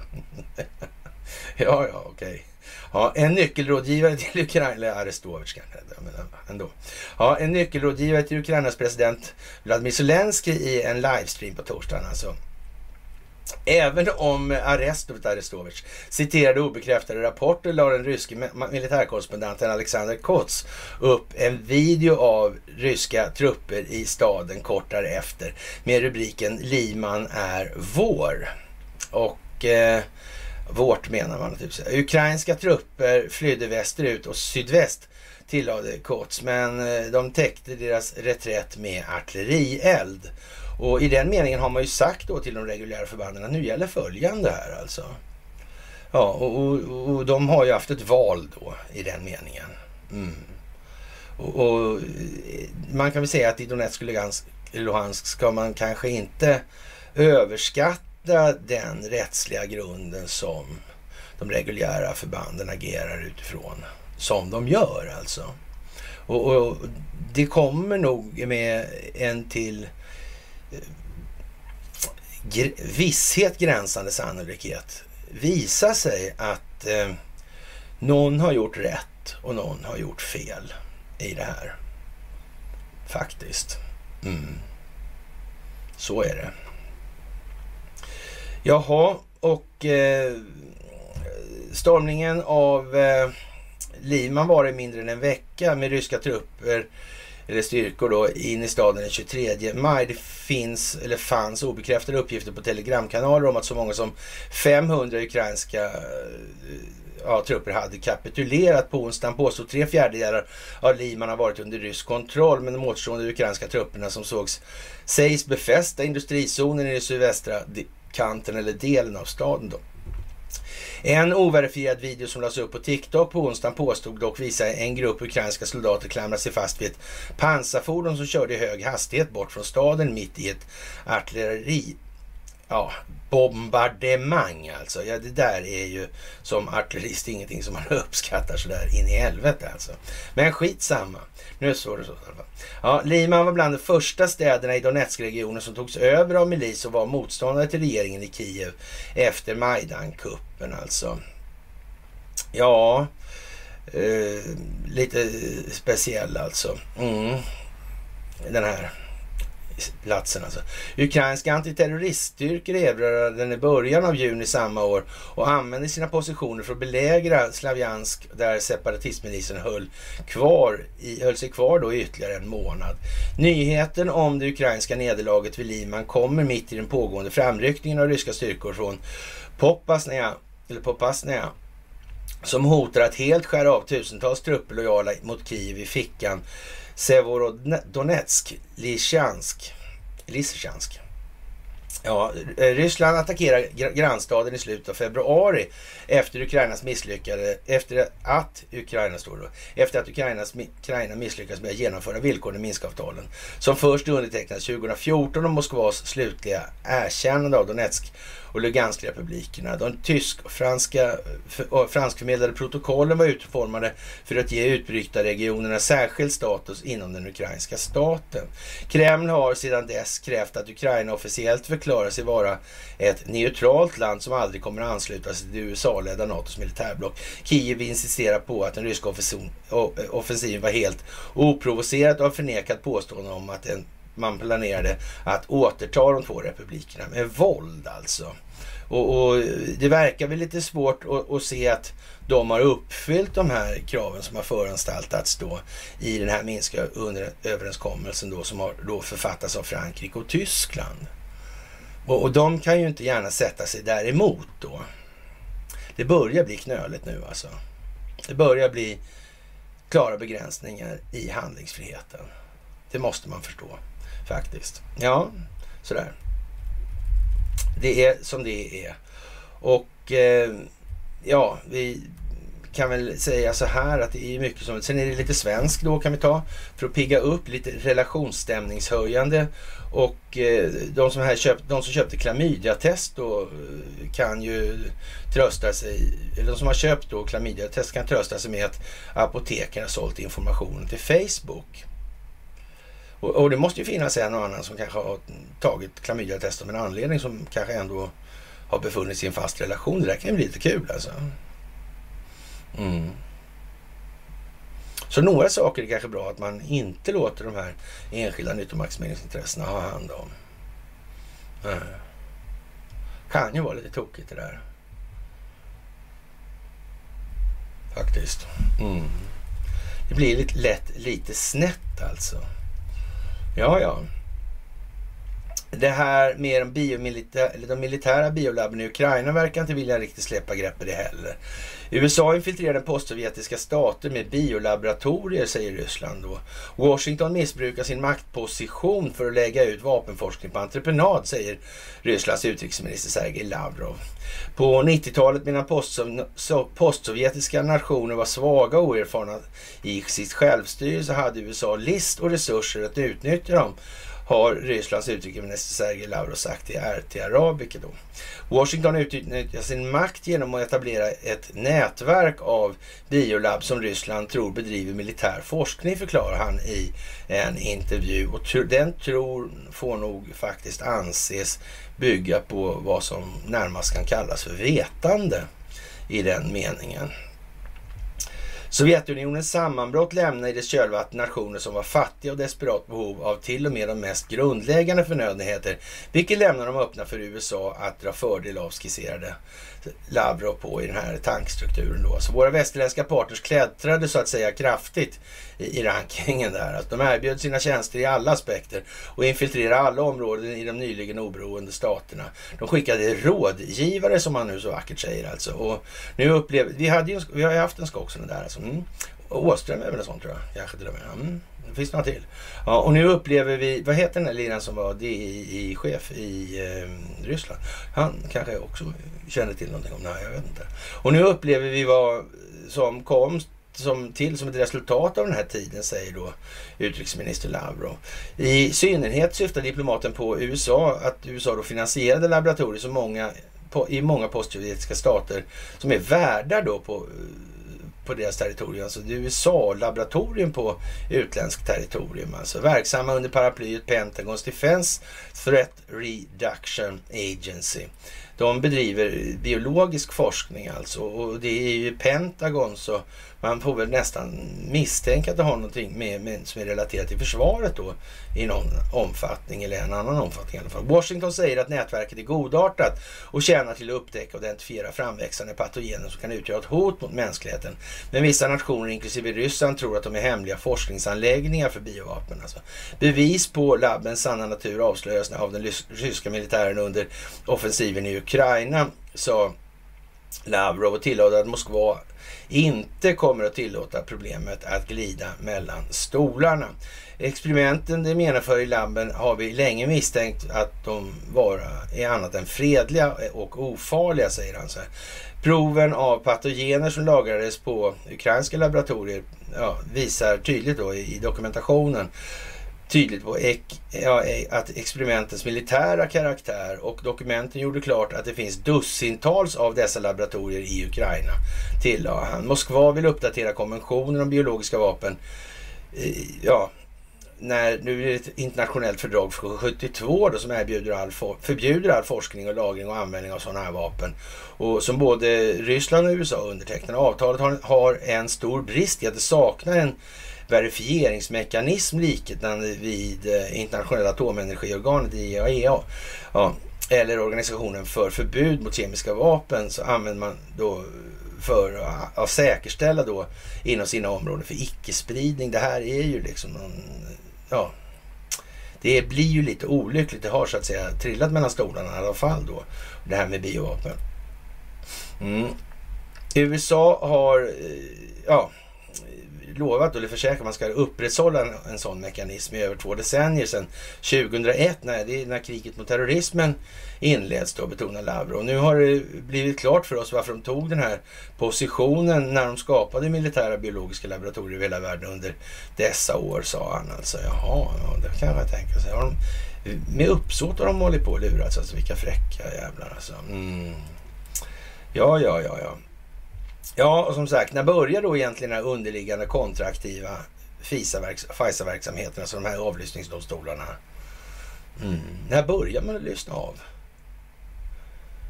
den djupa staten i USA? Mm. Och visst tog de, hade de där tre punkterna i alla fall. Så var det ju. Ja.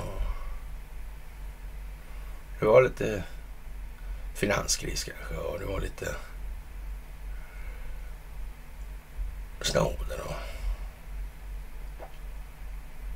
Mm, det var lite Trump. Och det var lite, det var ju fyra där i och för sig. Ja. Och så var det där med DOJ då. Ericsson. Mm. De har ju hållit på en bra stund i alla fall, det är helt säkert alltså. Residenten jobbar på i alla fall och Ja, han hävdar ju då att man, man de här olika protesterna då med BLM och, och så sommaren 20 där. Eh, ja, de enade liksom eh, folk över generationsgränserna. Mm, jag kommer upp till det där konstiga med den här George Floyd igen alltså. Mm, jag kan inte värja oss riktigt från tanken, tänk om det är en setup alltså. Det också ingår liksom i stingoperationen. Mm. Kan det vara så? Det har ju inte gått så bra på till senare tid med eh, BLMs, det här med hanteringen av pengarna. Där de köpt, blivit ett och annat dyrt hus alltså. Sådär och så vidare. Jag, jag vet inte. Eller jag gör, kanske det då. Mm. Man ska inte säga saker rakt ut och öppet sådär i de här sammanhangen när det gäller så att skapa optiken när, när själva epifanesögonblicken kommer. När den egna gjorda insikten uppenbarar sig. Oj, fan. Visst ja. Mm.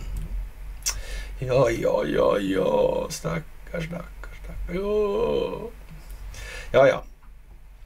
Som sagt, eh, ja.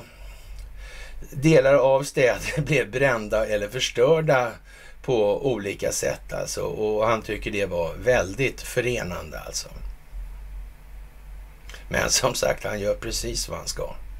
Och ingenting annat. Han är en riktigt bra skådis. Det får man fan ge honom. Han skulle ha en Oscar efter det här. Så när drift, drift sattes egentligen Starlings funktion och, och för vilket ändamål egentligen i det här? Men kan övertyga om att inte alla släpptes in där hur som helst. Och vi kan vara övertygade om att den här uh, Durham som inte hette John och hette Robert mera istället. Robban liksom. Ja. Då, han, kan, de kan, han kan ha med den där patenten där som vi ha. De, de kan ha med det här att göra. Skulle kunna ha faktiskt. Ja, ja, jaha. Mm -hmm. Se där ja, se där ja. Mm. Det var nog inte avsett för allmänheten allting hela tiden. Någonsin där. Nej. Nej, nej, nej, nej, nej. Mm. Hur gör egentligen Vladimir Putin och Donald Trump och Xi Jinping och Recep Tayyip Erdogan när de kommunicerar? Han tog väl hand om sina telefoner ganska tidigt, va? Erdogan. Av någon anledning. Det var ju det där med Turkcell och med Vodafone och det här. Mm. Och, och Telia, ja, betala gladeligen 10 miljarder för att slippa vara kvar mer eller mindre. Tog förlusten rakt av bara och drog. Bråttom va? Ja. Ja, ja, ja, ja, ja, ja. Tänk. Kan det ha med det här att göra? Försöker. Jag vet inte. Kanske. ja, ja, så kan det vara. Så kan det vara. Jaha. Durhamrättegången då, Sassman då och ja. Eh, oavsett Sassmans dom då som kommer då alldeles snart här och det blir ju så att säga, då är det här skiten stadfast, eller stadfäst då. Och, och det visar att FBI's Alfa Bank-undersökning bottnar i lögner och sekretess alltså. Och både FBI-tjänstemän och politiska operatörer bidrog till atmosfären av misstro och bedrägeri kring utredningen av ja, sedan avvisade anklagelser om en Trump jourlinje till Kreml. Och det är ju alltså i den här, i den meningen. I en annan mening så måste det finnas någon form av kommunikation, men den handlar ju liksom inte om riktigt samma sak då om man säger som så. Och eh, ja, i, i slutändan är det ju trots allt så här att om då den eh, djupa staten skulle eh, få för sig då liksom att ja, då avslöjar vi det. här. Ja, men då är det ju faktiskt som det är. Och då återstår ju bara en enda sak. Och sen blir det militärdomstol för allihopa istället. Och det är de inte så intresserade av alltså. Men, men man har ju så att säga eh, krattar manegen för att den möjligheten ska de ha jävligt klart för sig att den existerar och står till buds alltså. I så mått då. Och, men, men, som vi har sagt då med någon form av byfånig dåres envishet, alltså vi föredrar ju den här andra vägen. Än en massa bullriga maskiner och, och Eh, folk i kamouflageuniform som ska eh, hantera hela verksamheten i samhället. Så. Mm. Jaha, och eh, som sagt, eh, Durham, den Jonte då, anklagar förra året då den före detta Clinton-advokaten eh, Sassman då för att hamna Eh, lämna falska uppgifter då till FBI. Och han påstås berätta för dåvarande, eller dåvarande FBI-general eh, jurist eller chefsjurist James Baker att han, han jobbar numera på Twitter ska vi kanske tillägga också. Att han inte företrädde någon klient eh, när han ja, vidarebefordrade sedan och avslöjade anklagelser om en hemlig kommunikationskanal mellan den här banken då och den här banken gick väl i konkurs också va? Någonstans också i Nederländerna, har inte så? Ja, det kanske sitter ihop, vem vet? Det skulle ju kunna göra det alltså. Och ja, det här är, är ju så att säga en rätt så... Faktureringsuppgifter visar att Sassman fakturerade Clinton. Det är ju så här inte så mycket jätte... Och, och sen så säger han liksom att de inte har någon... Det finns inget sånt förhållande. Och, och vad gällde det? Det var väl man skulle till och med ha betalt för fickminnena tror jag. USB-minnena där. Mm. Ja, alltså kom igen liksom. Ja, ja. Jag vet inte. Det där, det där jag har, tror jag vi har tagit så många gånger så det kör vi inte. tar en massa tid. Och, eh, men någon sak som vi tog från början och kanske ska ta upp lite här. Det, det, är väl läge för det, för vi nämnde det igår också. Innan det här dök upp i medierna så sa vi så här att eh, det fin- när man pratar om luftrumsskyddet och sådana här grejer i det här så finns det då eh, S400-system och eller 500-system också. Och, och, en hel del uppgraderade 300-system då i det här. Och, det gällde då situationen i Ukraina och, kontrollen över luftrummet, där luftrumsförsvaret.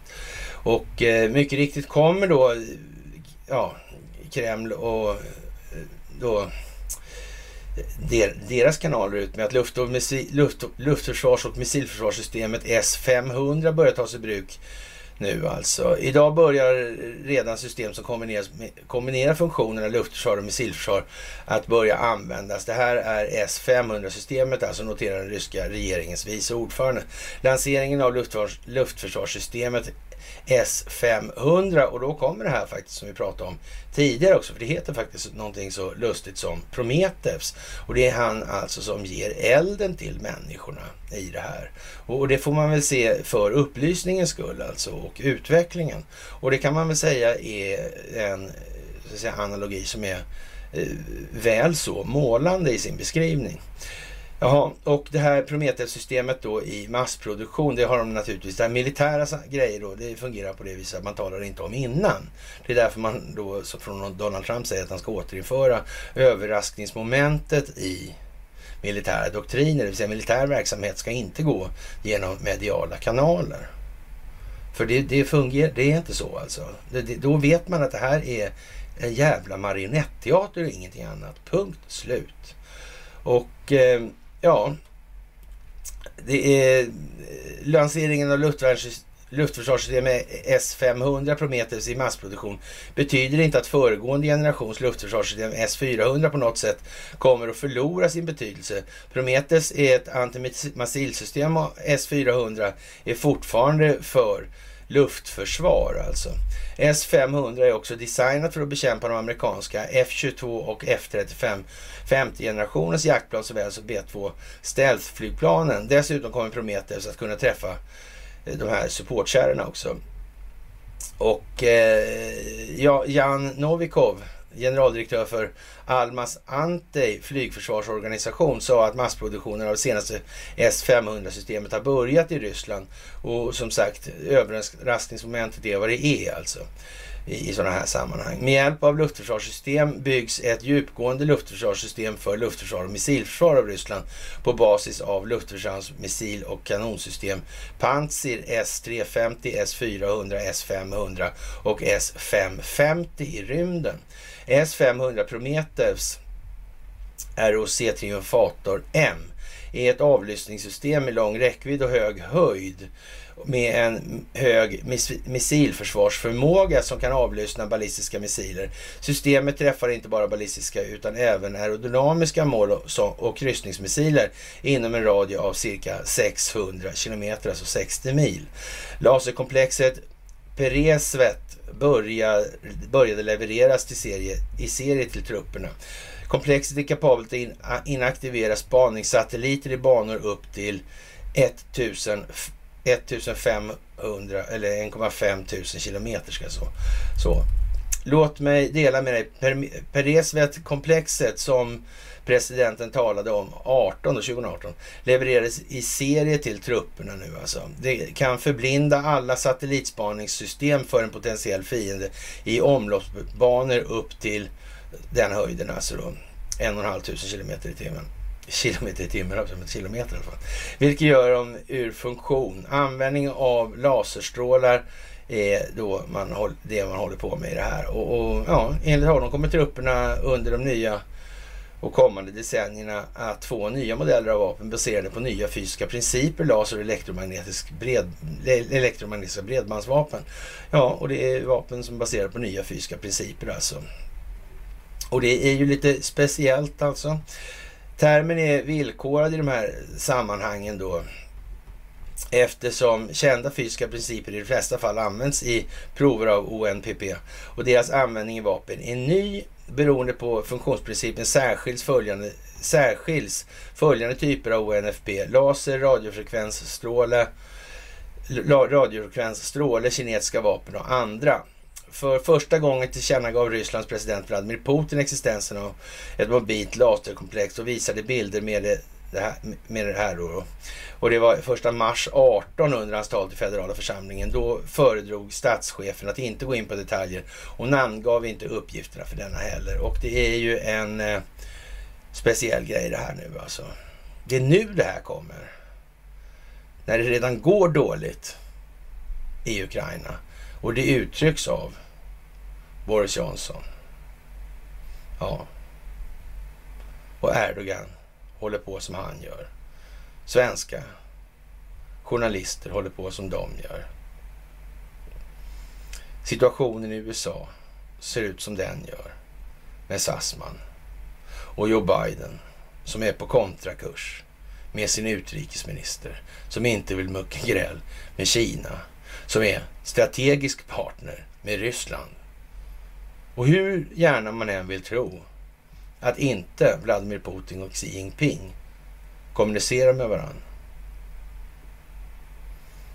Ja, och som sagt den här boxningsmatchen alltså. Ja,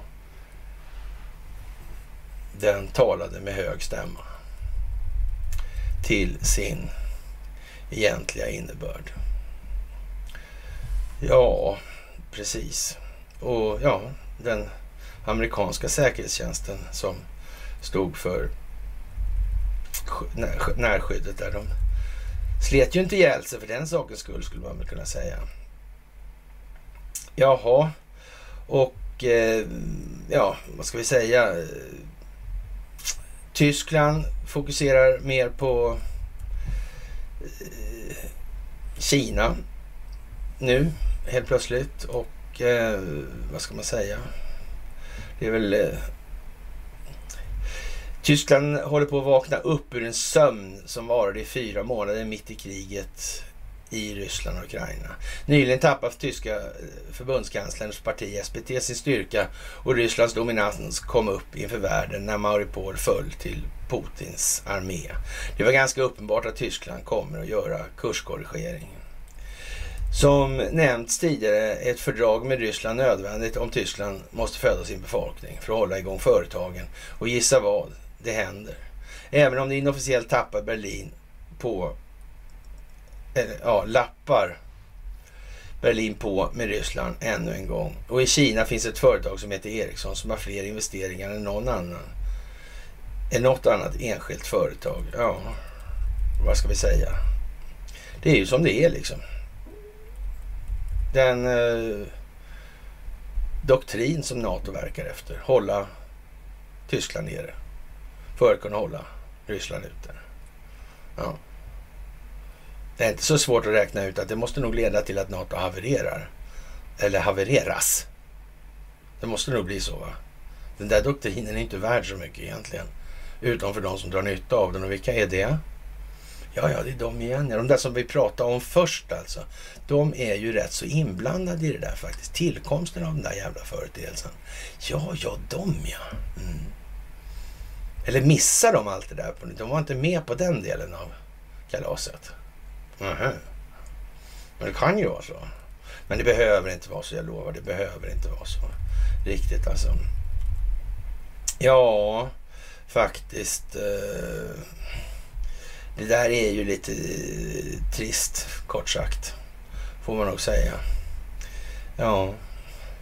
Finlands och Sveriges neutrala status gör det möjligt att säkerställa deras säkerhet bättre än att gå med i NATO sa den kinesiska ambassadören i Frankrike. Eftersom denna allians utgör ett hot mot Ryssland, förklarar ambassadören. Ja, men det var ju det där, pratade de med varandra om det där eh, Xi Jinping och Vladimir Putin? Kanske de gör det ändå. Jag vet fan alltså. Är det inte svårt det där? Ja, svårt det där. Med det här synsättet då, kommer Kina inte bli ett demokratiskt land alltså? Ja, man kan inte vara smart och demokratisk på samma gång. Alltså. Ja, jag vet inte. Ja. Eller kan man det kanske? Det kanske är det man kan. Det kanske inte var, kan vara demokratiskt. Om man inte tänker till. Nej. Man låter egennyttan styra de primära känslorna. Mm. Primtalen i naturen. Mm. Ja, ja. Jaha.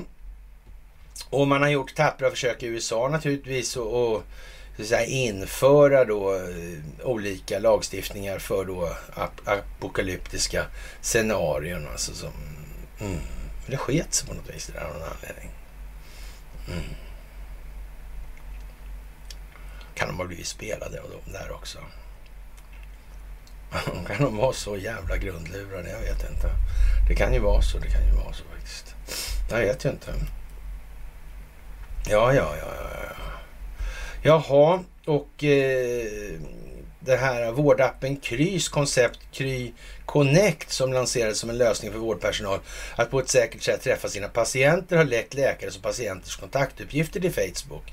Rapporterar Ekot alltså. Det är, som sagt, det är många inom de här svängarna, inklusive läkare och sjuksyrror och utbildningspersonal inom sjukvården som kommer få klara problem. Det är nog inte tanken att man inom ramen för utbildningsväsendet när det gäller sjukvården ska lägga så mycket politiska aspekter på tillvaron som man har gjort de senaste åren. Det tror jag inte är lämpligt. Och, och jag tror att det finns noterat på håll alltså. Flera olika håll tror jag det finns noterat på. Jag tror att det kan komma att slå tillbaka faktiskt. Och, och, det gäller nog inte minst i, i Deripaska-territoriet eller Calcutta skulle jag vilja påstå. I den meningen alltså. Och eh, vi har haft en del, eh, ja, ska vi säga, ja, informationsflöden därifrån helt enkelt som pekar på att det verkar ha varit underligt det här alltså. Och, eh, men jag tror helt säkert att ryska säkerhetstjänsten har avlyssnat allting som är, finns i de sammanhangen. Och jag tror att Deripaska, han har nog faktiskt varit en del av den här stingoperationen. Det är, nog, kan ju låta konstigt, men jag tror nog, precis som vi sagt tidigare, alltså den här teatern från början med den här pennan och Putin och sådär. Alltså. Det där var märkligt alltså. Tänk att han inte visste det där, att han inte... Ja, oj, ja, det var konstigt. Det var ju så. Mm. Ja, ja, ja, ja. Och hockey-VM pågår och som vi sa då så blir det lite som det blev då med de här, ja, vi sa ju det med förbundskaptenen vad det är som krävs för att folk, folk ska reagera.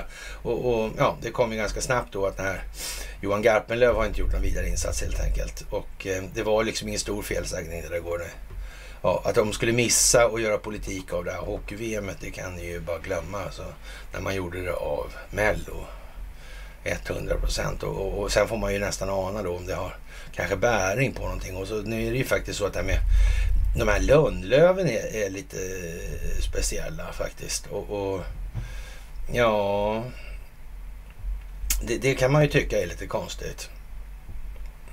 Och, och, fem ögon är fler än fyra. Alltså det här med Kanada, det är jävligt märkligt. Mm. Där kommer ju den där konstiga ifrån, grejen ifrån med lönerna. Det verkar komma från Kina dessutom. Verkar inte det lite märkligt? Jag vet inte, jag tycker det. Faktiskt. Eh, sådär alltså. Ja, kanske... Eh, ja. Kolonialväldes avslutningsmässigt skulle man kunna uttrycka saken också då i det här. Och det är väl eh, inte sådär jättemärkligt kanske. Och, och den här äh, konstiga lönnen då ACE, Acer, det är en dator. Ja, ett släkte i familjen kinesträdsväxter. Verkar kolonialväldiskt. Ja. Jättekonstigt faktiskt. Mm. Det är väl han Linné som har gjort mycket av det där arbetet med att klassificera de här grejerna. Mm. Kinesträdsväxter. Men Kanada har aldrig varit någon koloni i den meningen, nej. Nej, det har det inte varit. Det, det vet vi faktiskt att det är så. Ja, ja, ja, ja. Mm. Och det kan ju vara gammalt som fan det där. Alltså, det ska tydligen vara bra att ha i skölden också. Lönnträ alltså. Ja. Mm. Dessa svenskar närmar sig stadiet latinskt talande skogstroll alltså. Kanske de alla är i familj det är den där gamla farbrorn som var expert på blommor och bin. ja. ja, ja, han hette något sånt. Ja. Kom inte han från Småland? Vad fan hette han egentligen? Linnea kanske han hette? Nej, nej kanske han hette. Carl från Linnea Ja. Ja. Ja, ja, ja, ja, ja. Ja, man vet ju inte med det där alltså. Jag hade tusen gång som faktiskt han handlade trädgården på den där gubben. Och han ja, gjorde en massa målningar också som fanns inne i huset. Så, så det var lite sådär konstigt. Det tyckte de här konservatorerna var jätteviktigt. Ja, ja. Det var då det. Och eh, tänk om kineserna tar bort tillväxtkravet nu då. Det, det, det verkar vara en springande grej alltså. I det här. Kinas statliga fond, så tar de över teknikbolagen. Okej. Okay. Mm. För någonstans måste det ju bli så ändå att man byter det här systemet. Men jag tror inte riktigt eh, det går till, kommer gå till på det viset som väldigt många tror det kommer gå till på. Man kan nog säga så här då att eh, den måste fotas om valutan. Och här kommer vi in på grejer som, vad är, vad är egentligen realvärden? Vi kommer inte in på det, än. vi kommer in på det strax. Alltså, man måste liksom komma, kliva lite med sig själv nu här. För annars kommer det gå i stå. Kliver man inte så står man still alltså. Det går i stå alltså. Mm. Man slutar gå och börjar stå. Mm. Där kan man göra lite sådana här, det är nästan göteborgskt sådana där som folk tycker om, men inte riktigt ändå alltså. Jaha, det gick lite sådär för ett utsädeståg i alla fall som var på resa i Kanada vill jag minnas att det var. Och, och, det var det också. Och ja, man får väl säga det är otur helt enkelt. Då. Det sitter inte ihop med något annat det här, men så är det ju. Det vet ju alla då. Och och eh, i sagornas värld så är det ju som det är med saker och ting. Och, och det här med radioaktiviteten är konstigt. Och de här, för det handlar ju om energin då. Alltså hur farlig är den där egentligen? Och, och ja, den kanske är lika farlig som Katlas eld alltså. Mm, och, och, hon styrs av det här hornet då. då. Eller stridsluren var det någon som påpekade. Okej okay då. Ja, sorry. Ja. det var en stund sedan jag läste det måste jag erkänna. Jag läste, inte, jag läste aldrig den för barnen, jag gjorde inte. Jag läste Sagan om ringen och såna här grejer, Blåser på månen. Så det var liksom den kontextuella innebörden. Och I och för sig med, med Bröderna Lejonhjärta så finns det ju en kontextuell mening och sådär. Men, men, det skulle bli för långdragna förklaringar, kanske det var några vuxensagor då. Men, men eh, den svenska vuxna befolkningen taggade aldrig riktigt på de här grejerna. och, och man trodde ju på radioaktiviteten blint alltså. Och man riktigt såg hur Katlas eld som bara nuddade Jonathan Lejonhjärta och han blev helt död och förlamad liksom sådär. Mm. Och den här osynliga grejen med den där. Mm. Ja, problemet med själva storyn då, det, det, är ju faktiskt att Katla var en drake som inte fanns då rimligtvis och sprutade elden. Va? Det var ju liksom själva förutsättningen var lite tokig. Det skulle man kunna dra som analogi till någonting annat i det här sammanhanget. Att kära Astrid satt och träffade Ivar Thor, Thor Grey där på somra, somrarna då. Han som den där ja, soldaten med 13 fanor och Bojerud där. Mm. Det är en lite annan sak som man kanske ska ta med i den här kalkylen lite grann sådär alltså. Mm. Bojerud tyckte för övrigt själv att det var rätt mycket märkliga saker med det här också. Om man så, så, såg det lite mer mer storpolitiskt kanske det var. Och medan man påtalade det för, för hans vidkommande så tyckte han att det kanske att det var ja, lite sådär alltså helt enkelt. Va? Ja. Och han, han, visste det naturligtvis, det var väl bara dels att han visste att brigadchefen tyckte så också då. Så, så det kan ju vara det. Eller också kanske han förstod att det var så. Det, Man vet ju inte riktigt, kan inte vara riktigt säker där. Så nu är han ju salig hädagången tyvärr. Alltså. Trevlig figur där och Rådmansölandet utan eh, hamnar och eh, broar, det är som en hora utan fitta enligt hans ja, förmenande då på ett stort bataljonstal en gång när han var bataljonschef. Och då var det en del anhöriga som hickade, ja, ljudligt, som man säger som så. Ja, ja, det där med viktade myntfötter som sagt, det kan nog leda till frågan om realvärdeförädling. Och egentligen vad utgör det här primära värdet som måste viktas mot? Vad är det mest primära värdet eh, som människan har att förhålla sig till? I den meningen. Det, det måste nog vara eh, mänskligt liv trots allt. För utan mänskligt liv så blir det otroligt svårt att definiera mänskliga värden. Alltså, så de, det reala i någon mening så här. Det måste vara sånt som i en eller annan omfattning gynnar reala mänskliga värden. Där, där måste det någonstans ligga en huvudfåra. Det måste nog vara själva rågången någonstans i det här.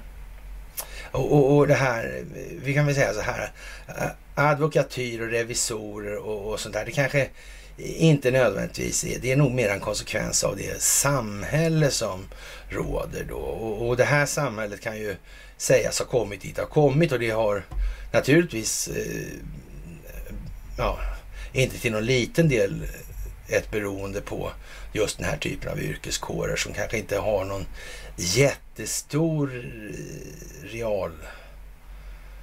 Värdeproduktiv eller realvärdeförädlingskapacitet eller hur man vill uttrycka det. Så alltså. Mm. Mm.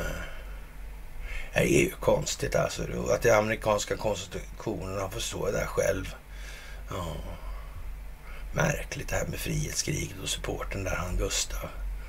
Ja, och det som hände med Gustav och vad som hände efter Gustav, vad som hände då ja, 1809 och ja, och vad som hände vid Wienkongressen. Och det verkar liksom bli ett allt mer tydligt mönster ju mer vi håller på med det här. Kan det vara meningen? Kan det vara viktigt att sitta och tjata om det här? dag ut och dag in. Ja, det kan faktiskt det och det är faktiskt det. ja, ursäkta. Saudiarabien och Argentina uttrycker intresse för att gå med i BRICS-formatet enligt den ryske utrikesministern då. Det är Sergej Lavrov vi pratar om. Och det kan man väl säga är tjusigt värre. Faktiskt. Och Twitterägarna stämmer Elon Musk för han har manipulerat marknaden och eh, det är ju en bra grej att göra för dem då. För, för deras vidkommande får man nog eh, säga så här att eh, det har ju en, kommit en hel del grejer i dagens ljus alltså. Eller i ljuset av verkligheten nu. Och, och, och, frågan är väl egentligen om Twitter eh, har, går någon ljus framtid till mötet eller någon mötes eller om de går någon framtid till mötes alls kanske snarare. Frågan behöver formuleras om numera. Ja. ja, det blir nog till att sälja då liksom. Ja. I delar då så att säga till den som har något förvärvsbolag eller så kanske. Jag vet inte hur det där ska gå till riktigt. Mm. Och som sagt den här Rickard Högberg verkar vara en säregen figur. Och ja, jag orkar inte lyssna på honom särskilt länge heller alltså, men det verkar ju som att han har fått själva foliehattsrollen i sista roll, sista akten här nu. Det får man nog säga. Mm. Ja, för det är ju en känd alltså, publikation. Så. så det, det, bara det liksom att... Mm, ja. Meriterande. Eller? ja, det är redaktören. Ja. Mm. Alibaba i Davos, ja. ja. Ja, som sagt, vi minns Börjes styrelsenärvaro och tycker att eh, Josef Say är en udda figur i sammanhanget med den här eh, Sullivan Cromwell. Det är samma jävla Sullivan Cromwell som då alltså. Att han kommer från Sullivan Cromwell till Investor. Och Börje blir direktör i Alibaba. Alltså det, det är ju inte så att man behöver vara Kalle Blomqvist för att få ihop de här strukturerna. Det är det ju inte längre. Det får man fan inte säga. Nej jag vet inte. Men det hänger inte ihop. Det hänger inte ihop. Nej. Ja, som sagt. Och eh, ja, de har avlyssnat precis allting hur länge som helst. Så man kan säga att den här 2000 åsnor då, eller mulor, i, faktiskt gör gällande då att de har ju avlyssnat något så ändra in i helvete alltså. Ja, varenda telefon och, och tänk om de har gjort det hela tiden. Tänk om de har gjort det hela tiden så länge som de har avlyssnat den djupa staten. Ja, då finns vi med på rätt mycket. Ja. Då finns det en och annan serverhall i Sverige som innehåller rätt mycket information som inte folk förväntar sig ska innehålla. Som till exempel har gjorts möjligt genom FRA-lagen. Kan det vara så? Ja, ja, ja. Vilka var det där då som bara tryckte in? Hon Annie Uh, ja. Mm -hmm. Annie Lööf, ja. Fredrik Federley. Ja. Konstigt. Undrar om det finns hållhakar på de två. Mm. Ja, ja. Ja, ja, ja, ja, ja, ja. Så kan det ju vara naturligtvis. Ja, ni märker själva alltså. Och eh, ja, Tyskland ansluter sig inofficiellt till Rysslands sida. Ja, vad ska de göra de stackars flickorna? Vad ska en stackars flicka göra helt enkelt? Det är ju inte mycket att be för i det här läget. Som vi har sagt, det kommer att bli lite tyskt, det kommer att bli lite ryskt. Så. Och vem vet, kanske det blir lite polskt också. Men då får nog den polska riksdagen ha blivit lite mer så att säga, konsistent i sin uppbyggnad och sammanhållning när det gäller problemformuleringen. Det kan vi väl uttrycka. Men det är inte på något vis så att vi tror att den processen inte är i vardande eller är pågående. För det vet vi nästan helt säkert att den är i en ganska stor omfattning. Möjligen kommer det behöva vridas någon, ja, ska vi säga, grad hit eller dit ytterligare. Men det kommer att gå till dit det ska. Så är det också. Jaha, och eh, ja, Elon Musk säger att han tänker rösta på Republikanerna. Det är väl inte så mycket att säga om det. Kanske kan ju vara bra att tänka på att han säger det öppet av någon anledning. Och eh, Jaha, sportjournalisten Whitlock anklagar Obama för att vara en av BLMs gravsättare eller ja, som politiserar på Floyds död. Och det, det, kan vi väl säga först som sist här att Eh, Eh, det kom ju en bok om den här uh, herr Floyd då och uh, George Floyd. Och, och, det kan man väl uh, säga så här att den boken påbörjades vid en anmärkningsvärd tidpunkt i förhållande till hans död alltså. Så kan man väl säga. Och, och det, det, gör väl kanske möjligen att, att, man i någon mån upplever det som att ja, det här kan ju faktiskt någon ha tänkt ut liksom på det viset. Det här kan ju vara att förexponera en massa saker. Och, och, en del människor kanske inte klarar av att genomskåda det. Ungefär som det, att det alltid dyker upp en massa provokatörer för, i, i, olika sammanhang när man gör de här demonstrationer, demos och såna grejer. Och vi har aldrig någonsin tyckt att de där demosarna är en bra grej. Alltså vi, jag kommer ihåg när jag stod och pratade på Sergels torg 2010. Det är fan rätt länge sedan nu alltså. Och, och det här är ju någon... Eh, och, och, det var ju liksom, man tittar ut i publiken där, det var ju eh, närmast helt otroligt liksom att... Det var inte många, det var ju rätt många människor, men det var jävla inte många där som ja, man eh, så att säga hade en klar och utpräglad känsla av redan då för att de, de så att säga inte hade samma intressen som jag själv hade. Jag upplevde för att det var en hel del annat där då alltså.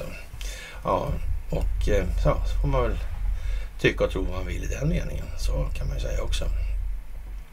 Läkare utan gränser är förstås eh, anklagade för att utnyttja barn. Och, och eh, var någonstans söker sig eh, människor som tänker utnyttja barn. De, ja, de söker sig nog förmodligen till sammanhang där det existerar barn. De söker sig mer sällan till sammanhang där det inte existerar barn. Det, det, det ligger liksom i sakens egen natur på något vis. Det, det, borde fler kunna förstå, eller borde nästan alla kunna förstå till och med skulle jag säga. Faktiskt. Och eh, ja, det där är ju lite tragiskt kan man tycka. Och, och ja, men det är ju nu så. Den här Kevin Space är tydligen åtalad då för sexuella övergrepp och det här är lite och ska ha utsatt då fyra män alltså. Och det får man ju säga, det kräver ju ändå någonting om man ska hålla på i, i den branschen då på det sättet. Och, och, det får man väl ändå säga, det är nog ingen trevlig eh, typ det här egentligen. Ändå så skyddad. Det verkar precis som att Hollywood är ett riktigt jävla rött näste. Mm, ett riktigt jävla träsk. Vad hette han nu, Dacke Karlsson? Inte Foxvärden utan kanske hans... Eller kanske hänger det ihop det där på något vis. Jag vet fan alltså. Ja, ja, vi får se vad Dacke Karlsson är eller inte är också. Inte den tidigare upplagan då naturligtvis. Jaha, Och eh, ny lag efter avlyssningsskandal i Spanien. Och eh, det kan bli eh, en eh, ja, underrättelsetjänstreformation eller reformering kan bli en globalt populär sysselsättning. Det kan man tänka sig faktiskt. Det kan man tänka sig. Det, det vore nog inte fel. Där. Det kan nog vara så. Och, och, mycket av det här när man ska göra det, till exempel det med valutor och såna här grejer. Och, som sagt, en del metall, en del annat och vad är det högsta värdet? Alltså, så får man börja där och så får eh, värderingarna utgå ifrån det. Alltså det här eh, nu som penninghandel och sånt där. Alltså. Eh, vi får nog se att det liksom det börjar bli intellektuellt tämligen ja, det lämnar oss kalla helt enkelt. Det lämnar oss kalla. Sådär. Mm. Det är inte Jesus som främste man på plan i den delen. Nej. Nej, nej. Jaha, och Israel säger nej till USAs förfrågan att skicka antirobotsystem till Ukraina. Avslöjar Axios med hänvisning till två källor från USA och Israel. Ja, det är ju bra. Sådär alltså. Det är konstigt. De tillverkas i Tyskland lustigt nog. Men med israelisk teknologi med israelisk licens alltså. Eh, enligt de existerande kontrakten måste Israel godkänna alla förflyttningar till extern part. Det där verkar konstigt. Sverige har väl aldrig hållit på med sånt där? Inte med den där granatgeväret i alla fall. Eller hade de det? Ja, jag vet inte. Sådär alltså. Mm, det kan ju vara så. Talar de om det där på något vis då? Ja. Eller är det här något sätt att kan man bygga sådana här fabriker lite här och var då kanske? Om man vill slippa undan en massa insyn i den verksamhet man bedriver. Skulle det kunna vara en möjlighet? Ja, det skulle kunna vara det. I alla fall, jag säger inte att det är så på många ställen, men eh, jag vet inte. Och ja, för att kontra lite på det där kan man ju säga så här med immaterialrätten och varumärkesskydd och såna här grejer. Det får vi också se som sådär tämligen intellektuell dödövningar alltså, i det här. Det, är ju ingenting som utvecklar direkt om vi säger som så. Då. Men eh, det är någonting som är skapat för att gynna enskilda nyttomaximeringsintressen där. Och vi har ju noterat då att det är lite halvkärvt klimat i Ryssland för olika företag och Renault har plockat ner skylten. Man tack och lov bara plockat ner R och var väl på är väl möjligtvis på väg att plocka ner det här eh, ja, eh, ja, E också då. då. Så av någon anledning. Och, och vi kommer osökt att tänka på att det, det ryska bilmärket Renault, alltså med R-U-N-A-U-L-T, alltså skulle bli en veritabel succé. Och speciellt när man sålde Renault-bilarna till ja, ja, ett mer överkomligt pris alltså. Och det skulle ju faktiskt en och annan Eh, ja, plånboksorienterad svensk till exempel tycker jag det vore rätt så trevligt ändå. Alltså, de är nog inte så dumma de där ryssarna i alla fall. De spar ju en slant här liksom. Och så. Ja, ja. Och vad för jävligt det där med hockey nu senast. Men ah, hockey, hockey liksom. Ja, det får ju vara det liksom. Mm. Det kanske är lite löjligt ändå. Ja, jag vet ju inte. Sådär alltså. Men som sagt, Renault får vi inte bli förvånade alltså. Precis som Idea då kanske blir ett Ikea. Eller så men Ikea blir ett Idea då. Och eh, han verkar inte sådär jättenöjd och Zelenskyj med det här och lämna ifrån sig territorium. Och det där är som sagt en fråga som eh, ja, i, den, den är både i stå och beroende. Va? Kan vi säga. Och, och, vi har inte hört det sista i den delen om vi säger som så. Men det kommer tillbaka. Och, ja, men, men ska man hålla på linjen då som de har kört hittills i svenska medier så är det väl nu dags för Zelenskyj att kräva Ryssland på, på lite territorium då.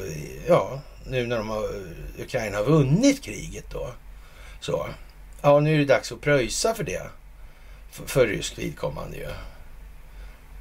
Det måste ju vara det då. De har ju vinnaren som sätter villkoren nu. Och nu har ju då Ukraina vunnit det här kriget enligt svenska medier då.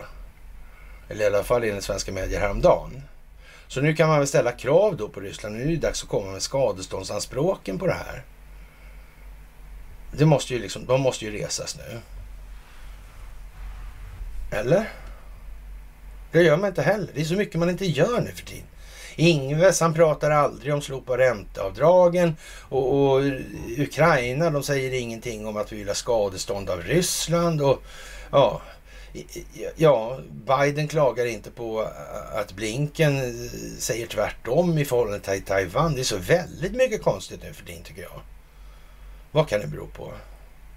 Kanske det är ett folkbildningsprojekt som sker inom ramen för jordens genom tiderna största stingoperation. Jag vet inte, men man skulle, det skulle kunna vara så. Jag är inte säker faktiskt. Faktiskt, faktiskt, faktiskt. Och med det, kära vänner, så vill jag påstå att eh, vi har väl klarat av den här veckan. Och som sagt, det är som vanligt. Det finns hur mycket som helst att ta i. Och ni är fantastiska som hänger med tillsammans med oss i det här. Och ni ska ha det allra, allra, allra största för de gåvor på Swish och Patreon som ni ger. Det är mycket välbehövligt och det är rätt många människor som jobbar rätt mycket med det här nu faktiskt skulle jag vilja påstå. Och eh, ja, ni förstår själva. Det är som det är. Och ni ska ha det allra största tacket naturligtvis för att ni fördjupar er i de här frågorna och i de här ämnena. Det gör ni så jävla bra. Det ser man på era kommentarer att det här håller på att ta sig. Den här katten har vuxit till en svensk tiger som inte håller käften för första gången i historien. Det är fantastiskt. Och den får man inte ner i någon jävla påse eller låda igen. Punkt jävla slut. Och med det, kära vänner, så vill jag bara säga till tack för telegramtjänsten också naturligtvis. Men jag vill önska er en väldigt, väldigt trevlig helg så här i tider när Jesus lyfte till himlen och så vidare och så vidare. Och så där. Ja, och eh, så återkommer vi senast måndag. Trevlig helg på er alla med andra ord och hej